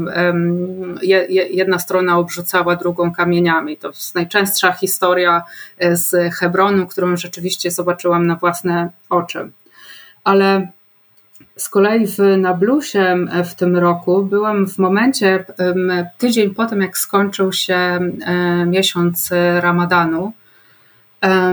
I jednego dnia mm, no byłam świadkiem, bo, bo ta akcja odbywała się dwie ulice dalej. Także z dachu budynku można było prześledzić całą tą akcję nalotu sił izraelskich, które to było oblężenie domu, w którym, w którym skrywało się dwóch terrorystów. Ta, to oblężenie, ta obława trwała cztery godziny. I no to jest miejsce, w którym jakby byłam najbliżej tego konfliktu, w którym jakby obserwowałam to, co dzieje się tak naprawdę na własne oczy, widząc, e, co to, jakie są konsekwencje takiego e, najazdu, co się dzieje z miastami, co się dzieje w zachodnim brzegu, jak wtedy wygląda ten cały dzień, jak wygląda ten wielki, całomiejski, palestyński pogrzeb, jak e, wygląda ta, ta jakby skala cierpienia, kiedy nie wiem, giną osoby y, postronne. Zresztą to był nie jedyny jakby pogrzeb, który, który widziałam w zachodnim y, brzegu. Myślę, że w takich momentach to są właśnie te momenty, kiedy mm, nie myśli się o tym, że Izrael to jest ta zła strona, a Palestyna to jest ta dobra, bo, bo też jakby kilka lat wcześniej też byłam w Izraelu w momencie z kolei ataku terrorystycznego, gdzie było na, zupełnie na odwrót. Można było dokonać takiej generalizacji, że strona palestyńska to jest ta zła, mm, a Izrael ta dobra. Ale to się zdarza w tych małych um, historiach, kiedy po prostu my na własne oczy widzimy, jak ludzie cierpią jak ginie czyjeś dziecko, jak czyjeś dziecko czy syn, niezależnie od tego, ile ma lat, zostaje zabrany do aresztu. Mm. I myślę, że to wszystko kumuluje się po prostu w tych małych historiach i w tym życiu, jakby w tym właśnie prawdziwym życiu, nie w czasie pisania książki, tylko w czasie rozmów i przebywania albo w Izraelu, albo w zachodnim brzegu. Ja myślę, że tym bardziej nie da się budować e, takich spójnych narracji. Nawet nie próbuję tego robić. A powiedz, bo y, też to w sumie jest pytanie, które mogłoby być na początku, ale akurat mhm. tak nam się rozmowa ułożyła, że w tym momencie, a nie innym nie zadaję. Jak właściwie zaczęłaś zajmować się tą tematyką? Co cię do niej doprowadziło? Kiedy, e, kiedy to się stało? Jaka jest innymi słowy Twoja historia z tą, e, z tą historią? Mhm. Um, myślę, że też na wiele razy ja już próbowałam sobie jakoś opowiadać tę historię i ją ra racjonalizować, bo jakby robimy takie wycieczki w przeszłość i próbujemy zrozumieć, e, co się zadziało przez, e, przez kilka lat. I tak. myślę, że moja historia zaczęła się dość w taki mm, prosty i może mało zaskakujący sposób, bo ja po prostu zaczęłam e, uczyć się języka hebrajskiego ze względu na to, że i brzmieniowo, i estetycznie bardzo mnie frapował. I było, była to jakaś taka faza ogromnej e, miłości do, i nie tylko do języka hebrajskiego, ale też do Izraela. Ale nastąpił taki moment, który jest bardzo związany z, myślę, typem e, mojej umysłowości, albo wręcz odwrotnie, po prostu jest jest wręcz odwrotnie. To nie jest zajmowanie się Izraelem e, czy Palestyną, to nie jest e, jakby to, co ja robiłam od lat. Ja myślę, że jeżeli można to tak sklasyfikować i powiedzieć w taki prosty sposób, ja po prostu przez e, lata miałam takie zamiłowanie do systemów, modeli, teorii, wszystkiego, co tak w A. sposób kompletny i niesprzeczny wyjaśniają rzeczywistość. I właśnie myślę, że nie wiem, można to streścić do, do zdania jakiegoś, które by to dobrze zobrazowało, bo my też jesteśmy sprzed mm, epoki, kiedy ja zaczynałam swoją edukację, to internet jeszcze um, nie był dostępny do takiego stopnia jak dzisiaj, więc e, tak nieco parafrazując Wittgensteina, powiedziałabym, że granice mojego świata E, granicami mojego świata były, były granice tych tomów encyklopedii PWN, które, które hmm. stały w rodzinnej bibliotece. I ten taki bardzo całościowy, e, ta całościowa, obiektywna wiedza um, pociągała, poci jakby poci um, nie wiem, czy można powiedzieć, pociągnęła za sobą mhm. to, że Hmm, oczywiście gdzieś tam przez, przez jakiś moment e, studiowałam filozofię i myślę, że ta, ta, ta chwila w moim życiu tego studiowania filozofii odegrała tu ogromną rolę, dlatego że nie wiem, jak jest na innych uczelniach, ale na Uniwersytecie Gdańskim my mieliśmy wykładowców z, z Katolickiego Uniwersytetu Lubelskiego. E, i czytaliśmy to prawda, fantastyczne opracowania filozofii starożytnej Giovanniego Reale, ale nieodłącznym elementem był również święty Tomasz z Akwinu i logika i wszystko, co z logiką związane. Mm, I ten świat był jakby bardzo mój, on był bardzo systematyczny, do bólu uporządkowany, z całą tą swoją hierarchią bytów, łącznie z aniołami u świętego Tomasza. Tylko Myślę, że po prostu w jednym, w, tak, w jednym momencie przyszedł taki moment bardzo dużego przewartościowania, że ja po prostu zobaczyłam, że wszystko, o czym się uczę, prawdopodobnie nie istnieje. Ani liczby, ani jedna zasada bytu, ani te anioły. Aha. I, e, i ja, ja, to ja piękne, prostu, naprawdę, tak. że w ogóle pie, pięknie o tym opowiadasz i wiesz, za, zasłuchałem się w tę historię i ten moment zwrotny też mi się bardzo podoba w niej, no. Tak, bo, bo i tu też ja sobie zawsze tłumaczę to swoje też umiłowanie do matematyki, że to wszystko tam w tych równaniach się zgadzało i zawsze, i zawsze to wszystko wychodziło i ten rodzaj przyjemności, którego dostarczała logika, filozofia, matematyka był niesamowity.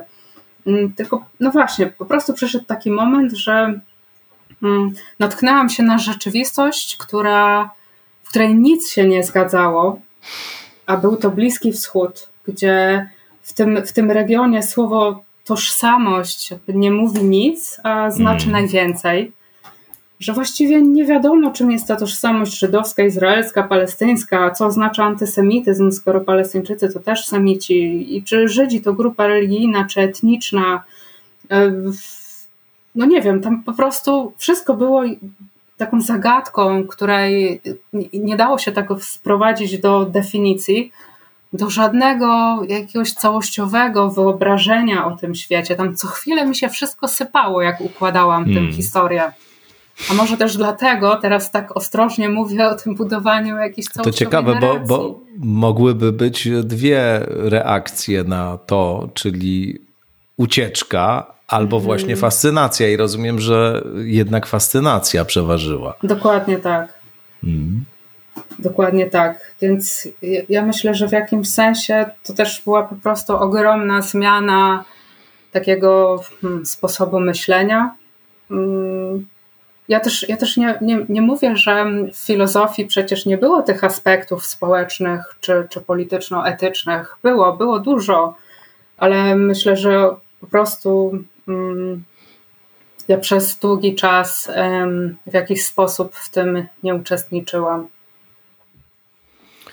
Ja myślę, że jakoś to łączysz y, jednak, to, te dwie perspektywy, tę perspektywę y, teoretyczno-modelową, nazwijmy to, i, i właśnie perspektywę empiryczną, taką uczestniczącą też. Y, ten fragment Twojej książki to jeden na to przykład, ale w ogóle przyglądanie się takiej żywej, dynamicznej rzeczywistości, właśnie niejednoznacznej, niewpisywalnej w łatwe kategorie, ale jednak stosowanie do jej opisu jakichś kategorii systematyzujących, próba y, syntezy, y, no to wydaje mi się, że to jakoś jednak y, mhm. udaje ci się łączyć te, te, te dwa elementy, czy dwie perspektywy, czy, czy dwa sposoby widzenia świata, myślenia o świecie. Tak, no to już pewnie sam wiesz, że już kto raz wkroczy w te ścieżki filozofii, to już potem nie może się tego pozbyć. To prawda, to prawda. A y, rozumiem, że wraz z tym odkryciem tej rzeczywistości, która była tak różna od tych doskonale harmonijnych y, hierarchii bytów, u świętego Tomasza i tak dalej, e, zaczęłaś tam bywać, jeździć i też jakieś więzi e, takie przyjacielsko-naukowe zadzierzgnęłaś z tą rzeczywistością. Tak jak mówisz, jeździsz tam też, czy jeździłaś tam mm, i w celach naukowych, i w celach, jak rozumiem, nienaukowych również.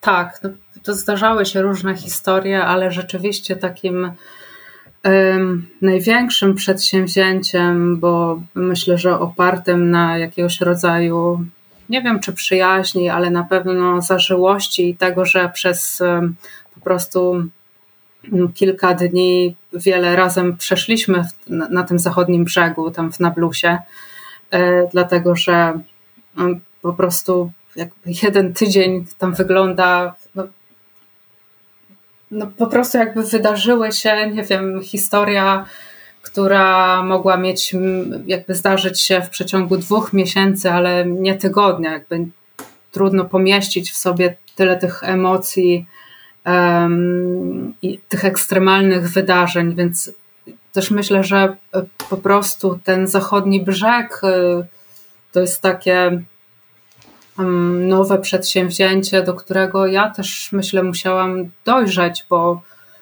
to były lata zmagania się z wyobrażeniem, mm, ze strachem, z lękiem. Ja wcześniej, tak jak mówiłam, podróżowałam w takie miejsca, jakby szybko się okazało, że miejsca kultów religijnych, miejsca, e, jakieś miejsca właśnie związane z naszą kulturą chrześcijańską, to jest absolutnie nie to, co mnie zupełnie interesuje.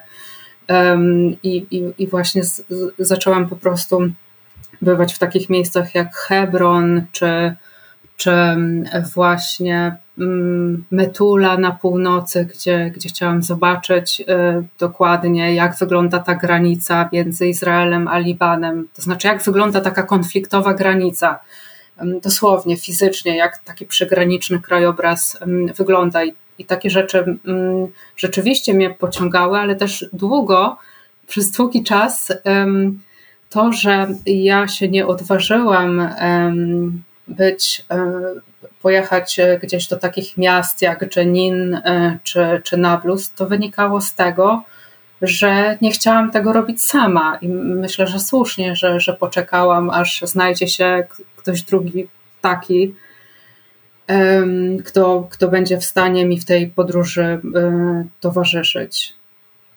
I oczywiście jakby nie mówię tego z takich względów, że mm, myślę po prostu, że, że to też wynika z tych kulturowych względów, że nie chciałam być tam tą e, samotnie podróżującą e, kobietą. I nawet e, kiedy to była podróż służbowa, więc jakby między uniwersytetami, to mm, jednak po prostu wolałam mieć tam kogoś ze sobą. A powiedz, e, to musi być rzeczywiście dosyć specyficzna, szczególna sytuacja, e, mieć e, znajomych, przyjaciół po obu stronach, nie tylko teraz, ale, ale w ogóle w kontekście całej historii, o której tutaj rozmawiamy.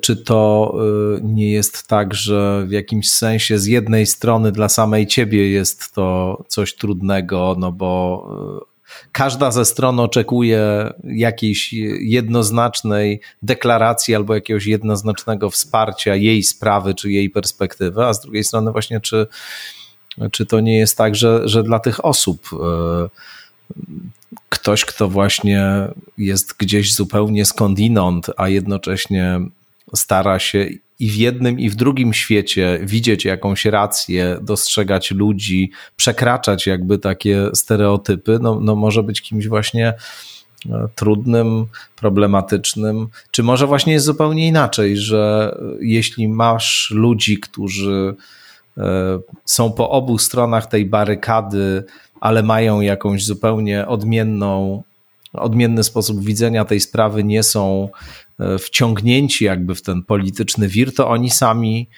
e, skłonni są, żeby przekraczać te, te jednoznaczności i, i to właśnie im pomaga, że ty jesteś i tu, i tu w jakimś sensie. Jak, jak to mhm. wygląda? Mhm. Czy im to pomaga? Mhm. To była jedna z możliwości, które mi przyszły do głowy, ale może w ogóle ta sytuacja wygląda zupełnie inaczej z twojej i z ich strony. Mhm. Myślę znowuż, bo widzisz Tomku, ja, jest, ja myślę, że ja należę do tych osób, z którymi hmm.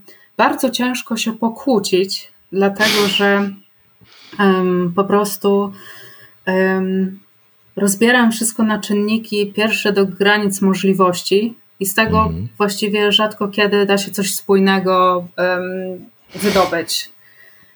I myślę, że to jest po prostu taka cecha, która mi wiecznie pomaga, dlatego mhm. że um, nie czuję też tej potrzeby um, takiej jakiegoś kogokolwiek mocno przekonywania, że ta, a ta strona ma rację. Jakby mhm. To jest po prostu za trudne. I um, i jakaś taka moja ogromna niechęć do generalizacji i uproszczeń to jest jakiś mój, myślę, największy wróg. Po prostu opowiedzieć się gdzieś po którejś stronie. Mm, to jest dla mnie bardzo jakby trudna rzecz do zrobienia. Ale czasem sferach. się na pewno, czasami Oczywiście. się na pewno opowiadasz. Oczywiście, tak, hmm. ale y, y, i pytasz, pytasz o to, czy ja myślę, że tak, że to jest trochę. Myślę, że teraz jesteśmy też świadkami tego, tej takiej wojny w mediach, poza tym, że toczy się ta rzeczywista wojna, toczy, toczy się ta wojna w mediach mm, i ta próba przekonania nas, e, nas, e, nie wiem, świat zachodni przede wszystkim, która strona ma rację. Mm, I myślę, że to jest bardzo trudne y, tutaj, że my musimy w tej chwili e, wybierać. E, ja myślę, że nie muszę tego robić też z tego względu, że, y, że Palestyńczycy, z którymi, których, których znam, no, nie są zwolennikami Hamasu. Mm, dla nich jest to oczywiste, że to była zbrodnia wojenna, że, że tutaj właściwie poza tym nie ma o czym dyskutować, ale też widzę po prostu ogrom tych emocji, które mm, towarzyszą przy tym rodzącym się, czy, czy właśnie przy tym całym ruchu w tej chwili narodowo-wyzwoleńczym, który można tak nazwać, ale jakby on się pojawia gdzieś, ja myślę, my na to patrzymy jak na konsekwencje tego, co stało się 7 października, ale myślę, że dla Palestyńczyków to jest po prostu nie tyle konsekwencja, co okazja, po prostu jakaś przestrzeń do tego, żeby z tą swoją historią wyjść i dać do zrozumienia, że to jest nadal jakaś kwestia po prostu bardzo niezadbana, mm, bardzo niezaopiekowana, mówiąc tak eufemistycznie. Hmm.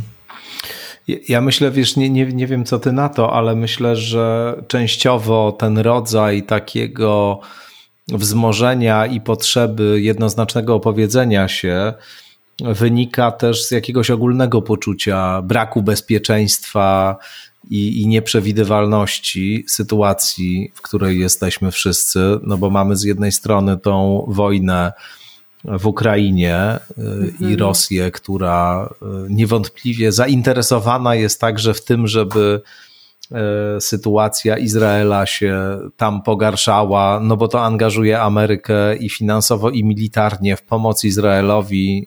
Ameryka, Izrael tak. to dwa państwa ze sobą ściśle związane, jak wiadomo, co z kolei osłabia zdolność Ameryki do wspierania Ukrainy.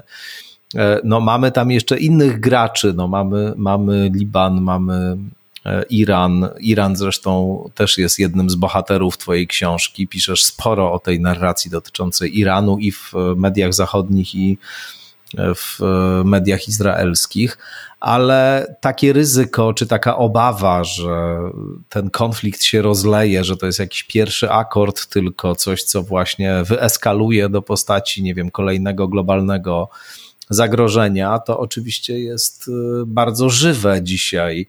I, i, I, mnóstwo jest takich różnych dyskusji, debat dotyczących tego, jaka jest tego rzeczywista skala, czy mamy do czynienia tylko właśnie z konfliktem lokalnym, który zgaśnie, czy, czy on zapowiada jakiś e, bardziej międzynarodowy kolejny, e, kolejną odsłonę wojny.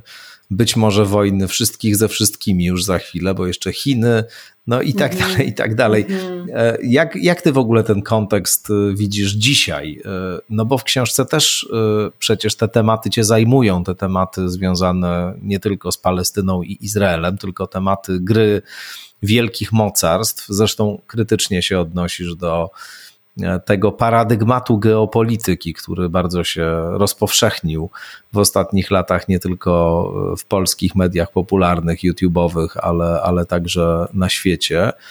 Ale, ale, ale też patrzysz na tą całą układankę, nazwijmy to międzynarodową, której częścią jest, jest Izrael i jego polityka. Zresztą no, ta tytułowa anatomia nieobecności przecież odnosi się właśnie do nieobecności sprawy palestyńskiej paradoksalnie, to znaczy do tego, że, że w tych wszystkich wielkich opowieściach Palestyna znika, znikają ludzie, którzy tam mieszkają. Y, wspominałaś na początku o żałobie, mówisz też o y, tej żałobie nieprzeżytej za, y, za śmierci palestyńskie właśnie, czy o tym, że tam się na tę żałobę patrzy inaczej, czy na te śmierci się patrzy inaczej, że, że to właśnie znika w tym całym, w tej całej opowieści o, o wielkich mocarstwach, które się ze sobą tutaj na różne sposoby mierzą. No wydaje mi się, że to też, to też jest bardzo aktualny wątek z Twojej książki dzisiaj, bo ta, bo ta opowieść znowu zaczyna mm, właśnie wokół tak? tych. Tak, mhm. tak, pulso. O, bardzo dobre określenie, właśnie. Tak, tak. Myślę, że. że mhm. Ja myślę, że jakby to znowu wszystko powraca, tylko trochę w, teraz w innej postaci. No, oczywiście no, ze względu na, na wojnę. I teraz myślę, że po prostu takim głównym pytaniem jest pytanie, co stanie się, czy nie wiem, czy z autonomią palestyńską na razie chyba myślimy tylko o e, strefie gazy, co, co stanie się ze strefą gazy, bo też mm, w, myślę, że w tych licznych wypowiedziach eksperckich taką kwestią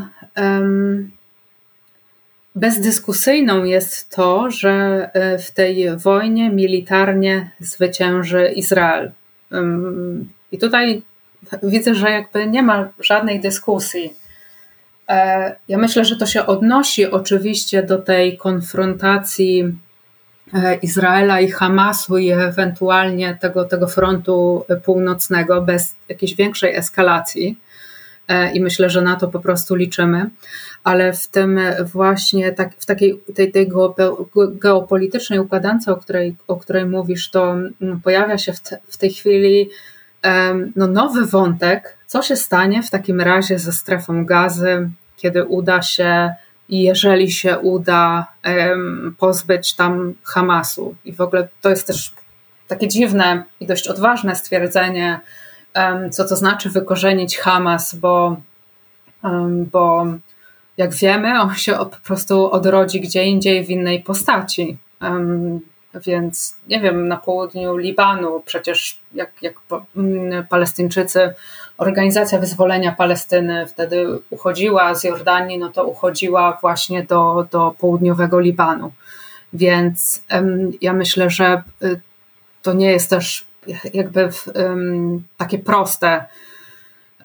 I my wiemy po prostu, że zemsta pociąga za sobą zemstę i że to jest jakby wieczne koło, ta wieczna eskalacja przemocy i to, o czym się mówi, że te rachunki krzywd po prostu są ogromne i one się cały czas powiększają.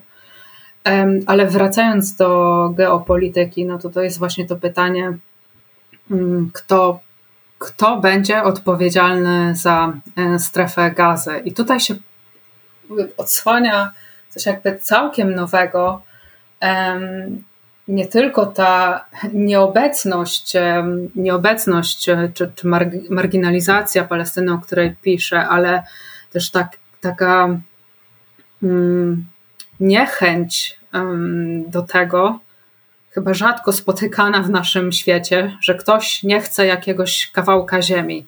I tym kawałkiem ziemi jest właśnie strefa gazy już mogliśmy prześledzić te różne narracje o tym, w jaki sposób Jordania wypowiada się, że, że absolutnie nie chce mieć nic do czynienia ze strefą gazy. I Egipt, który, który przecież zamknął e, swoje granice, e, to przejście w Rafach dla, dla uchodźców, również nie wyobraża sobie sprawować jakąś kontrolę, czy właśnie mieć odpowiedzialność za ten fragment ziemi. I teraz to nam daje trochę inne spojrzenie w kontekście konfliktu izraelsko-palestyńskiego, bo kiedy cały czas mówimy właśnie o okupacji Izraela, izraelskiej okupacji zachodniego brzegu, to często właśnie zapominamy o tym, że ta okupacja wiąże się też z ogromną odpowiedzialnością. I tutaj z całą mocą to widać w tej dyskusji na temat tego, co stanie się ze strefą gazy, bo nikt nie chce wziąć odpowiedzialności za e, strefę gazy, czyli za ponad dwumilionową społeczność e, w gazie, z, tym, że gospodarczo to jest właściwie e, ruina, a po wojnie nie chcę powiedzieć tego, tego okrutnego stwierdzenia, ale no nie wiemy, co pozostanie po wojnie. Nie wiemy, jaka ilość, e, jakie zostaną tam siły Hamasu. I myślę, że to jest taki nowy element, który, który pojawia się w tych geopolitycznych różnych e, dyskusjach. dość taki no tak, zatrważający. Ale, mhm. No właśnie. Nie no, rzeczywiście, rzeczywiście y, brak tych pomysłów na to, co po wojnie i, i to jest y, coś, na co akurat rzeczywiście dobrze, że zwracasz uwagę, bo, bo naturalnie w tej chwili sytuacja jest jeszcze wciąż y, no bardzo świeża, świeża w kontekście tych ostatnich wydarzeń rzecz jasna, i, te emocje są tam rozgrzane do czerwoności, i żałoba, i rozpacz, i yy, lęk, i tak dalej. Natomiast rzeczywiście wydaje się, że yy, chyba brakuje takiego yy, długofalowego pomysłu na to, i, i, chyba już w ogóle, bo myśmy też mówili tutaj wcześniej, y, opowiadałaś o tym poniekąd bankructwie idei dwóch mhm. państw, a w każdym razie o tym, że no to jest taki liczman y, używany przez polityków od czasu do czasu, jak trzeba coś powiedzieć i, się, i, i, dać do zrozumienia, że, że się jest tutaj zwolennikiem prawda, konsensusu, kompromisu i tak dalej, ale realnie to chyba faktycznie nikt już nie ma za bardzo na to pomysłu, co z tym można by było zrobić i jakby można było to rozwiązać. Czy, czy się mylę? Ja myślę, że świetnie w ogóle nazwałeś to, to bankructwo idei mogłam skonsultować z Tobą rok temu tę książkę, może byś podsunął ten termin, no. który, który jest świetny, Myślę, bo jakby tak, on tak po prostu Dziękuję. łapie, łapie to, to, co mi chodzi właściwie, mm, że, że oprócz tego e, być może właśnie źródłem tego marginalizowania wątku palestyńskiego jest właśnie to bankructwo idei. Tak myślę chyba. Nie wiem, to taka mm. świeżo rzuciłeś ten pomysł, ale no tak, bo to już jest taki moment, kiedy my po prostu mm, zwieszamy ręce i nie wiemy, dosłownie, co tutaj zrobić, mm, co zaproponować, bo ani żadna opcja nie wydaje się realna, nie, nie wydaje się zadowo zadowalająca ani dla jednej, ani dla drugiej strony. Hmm. Chyba, że e, po prostu też uda się rozmontować ten, ten prawicowy rząd e, w Izraelu i być może, mm, być może to znowuż jest straszna teza, ale gdy przypomnimy sobie mm, tę książkę. Teraz, Tomku, ty mi musisz pomóc. Miłość e, do wojny. Tak. E, terrible, e, terrible Love of War, mm -hmm. tak. Jamesa Hillmana po polsku jako Miłość do wojny, tak. Więc może te nowe idee, które, które nie wiem, na które liczymy, być może, no niestety, ale narodzą się dopiero po wojnie.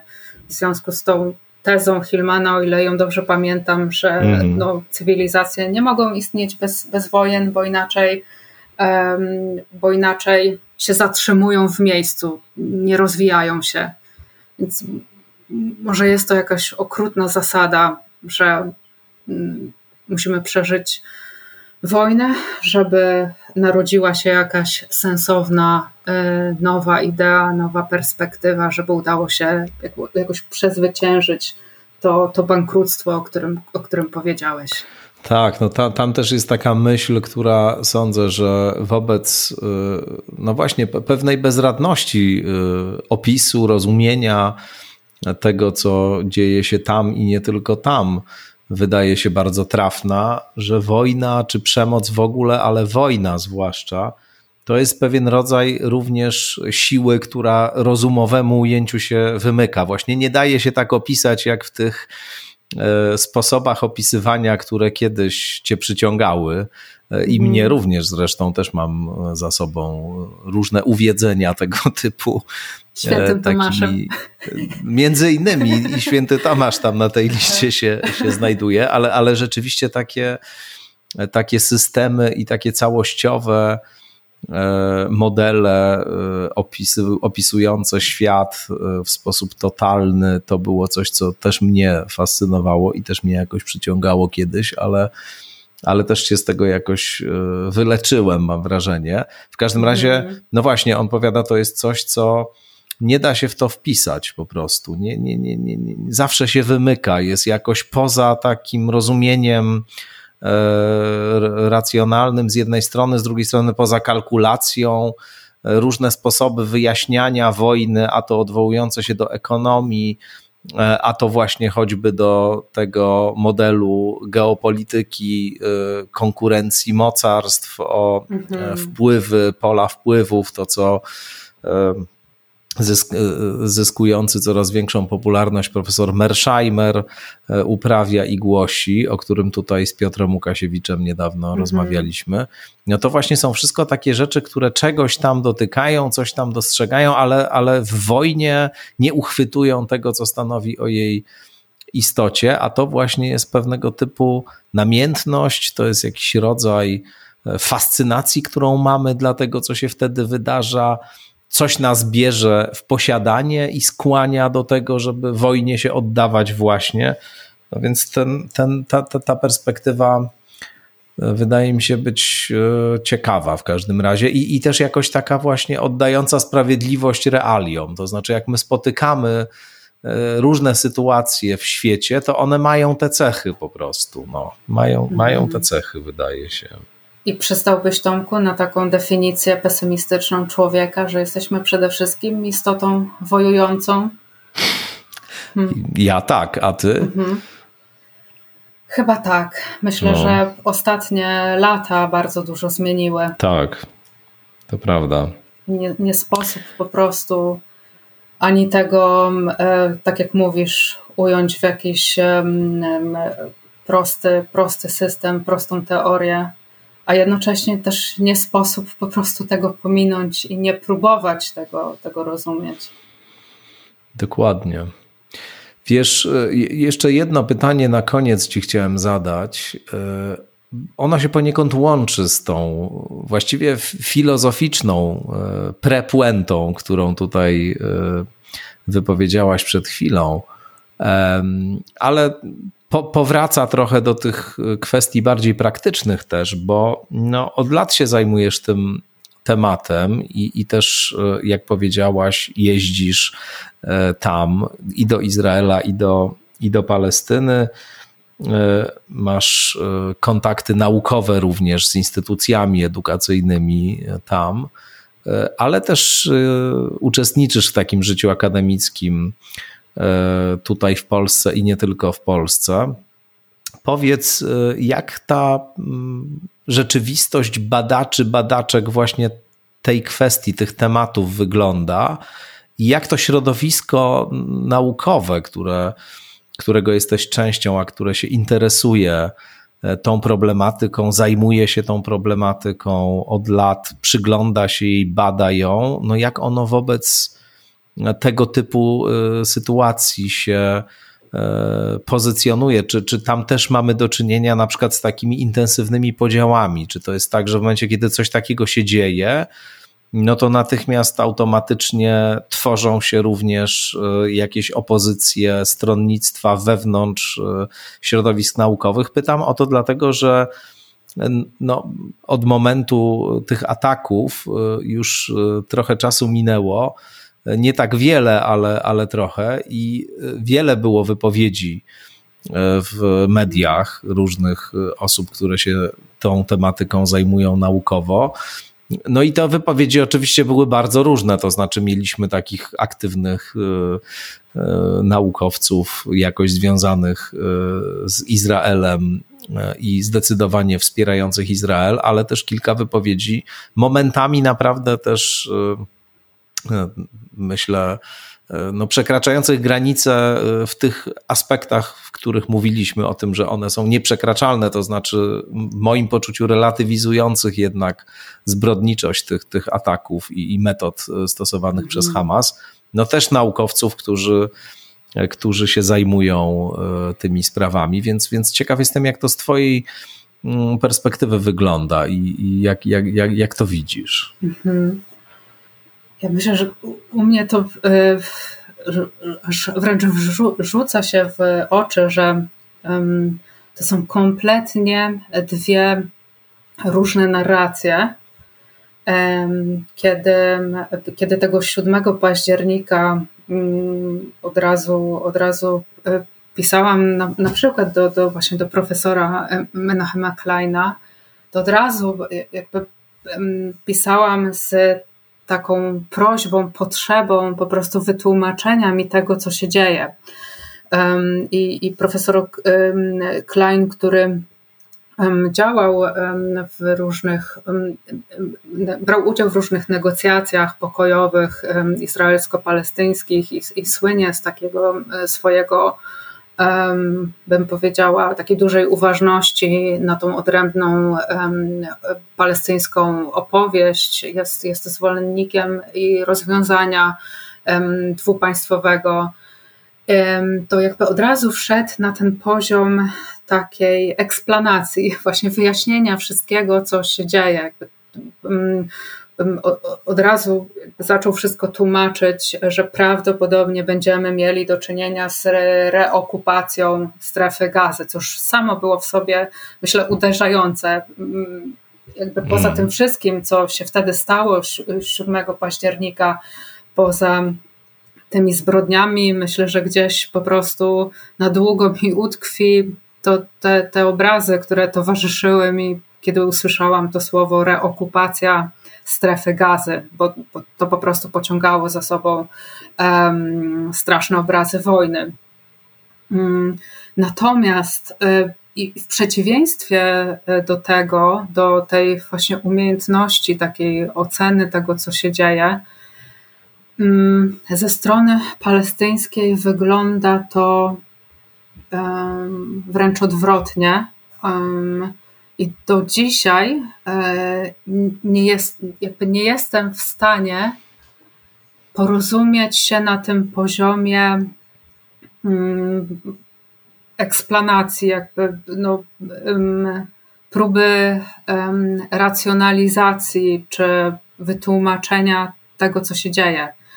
W każdym momencie, kiedy pytam się o to, co dzieje się na ulicach, e, e, co, co robią władze autonomii e, palestyńskiej, mm, jakie są perspektywy, czego się oczekuje, jak będzie wyglądał rozwój tej sytuacji.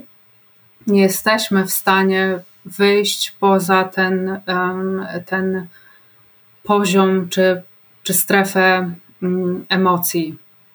I to też jest zupełnie dla mnie zrozumiałe, bo ta eksplozja tych, tych właśnie emocji i związanych z tym, że w tej chwili mówi się y, o Palestynie i też mm, jakby na gorąco będąca po prostu reakcją na, na to, co dzieje się w strefie gazy, czyli po prostu na śmierć cywilów, e, śmierć Gazańczyków. Ja myślę, że, że po prostu Palestyńczycy są w środku tej historii, w środku strefy gazy. I to na pewno nie jest moment, w którym, przynajmniej z mojej perspektywy, było, żeby byłoby tu jakiekolwiek miejsce na to, żeby porozmawiać um, o, o, o, o, nie wiem, o Hamasie, o, o właśnie władzach autonomii, o tym, czy Iran i, i, w jakim stopniu maczał w tym ręce, czy, czy właśnie ta wojna się rozszerzy o front północny. Absolutnie nie. I z drugiej strony zupełnie, zupełnie to rozumiem. No tak, tam z drugiej strony z kolei właściwie tego wątku nie poruszyliśmy, to jest jakby na mhm. osobną rozmowę i teraz nie chcę tego otwierać, bo, bo już się ku końcowi y, mamy w tym y, tak. odcinku skądinąd, ale no jest też ten wątek y, E, aktywnego antysemityzmu, który z kolei się uruchamia po drugiej stronie i też tak. takiej mhm. narracji, która korzysta z najbardziej brutalnych antysemickich stereotypów. No już nie wspomnę o tym e, nieszczęsnym plakacie, który tak. niosła e, mhm. norweska studentka Akademii Medycznej podczas niedawnej demonstracji w mhm. Warszawie z tym koszem na śmiecie, do którego flaga Izraela wpada i napis, żeby keep the world clean.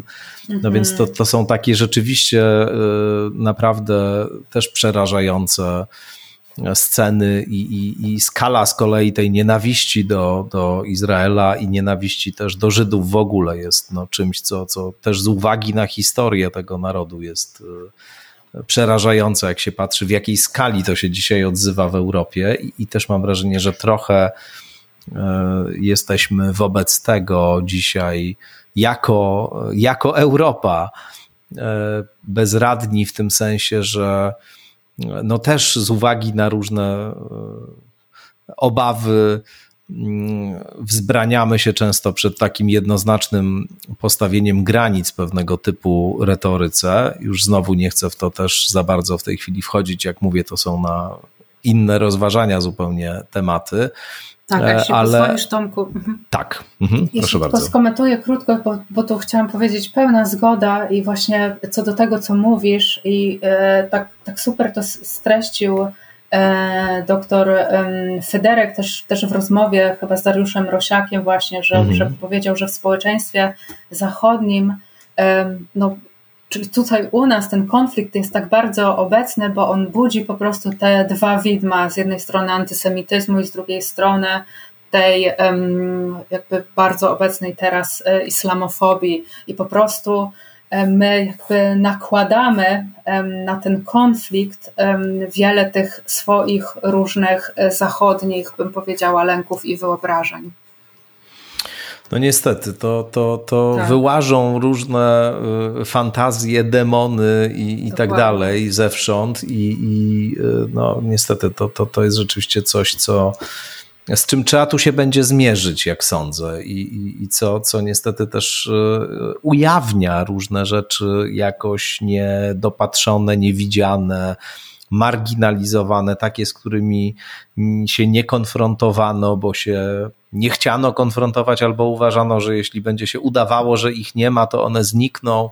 I teraz to, mm, jak Wychodzi. to często bywa, mhm. tak, tak, działa jak, takie, jak taki wywoływacz tego wszystkiego, więc to to przed nami rzeczywiście chyba jakieś lata skomplikowane i niełatwe, ale na pewno y, będę się jeszcze do Ciebie zwracał z zaproszeniem, żeby pomówić o tych kwestiach, nie tylko o tych, ale, ale o tych pewnie też, bo niestety, jak sądzę, ta sprawa będzie nam jeszcze przez pewien czas towarzyszyła. Teraz to chyba są takie dopiero początkowe fazy tego, co nadchodzi. Tymczasem bardzo Ci dziękuję. Fascynujące e, było to, co mówiłaś. Bardzo ciekawe i, i myślę, że wszyscy wynieśliśmy, mówię także w imieniu tych, którzy nas słuchali z tego dużo. Także bardzo Ci chciałem serdecznie podziękować za tę rozmowę. Ja, ja też Tomku bardzo, bardzo dziękuję i za podsunięcie też tej idei, bank, pojęcia bankructtwa idei. Mm. Już żałuję, że nie wiem, może jakąś ratę do książki powinnam dołączyć. O. Właśnie. wielkie, wielkie, wielkie dziękuję. Bardzo Ci dziękuję Państwu też, którzy nas słuchali serdecznie. Dziękuję. Doktor Martyna Wilewska-Baka była z nami. No a też zapraszam Państwa oczywiście serdecznie do kolejnych odsłon skądinąd. Do usłyszenia.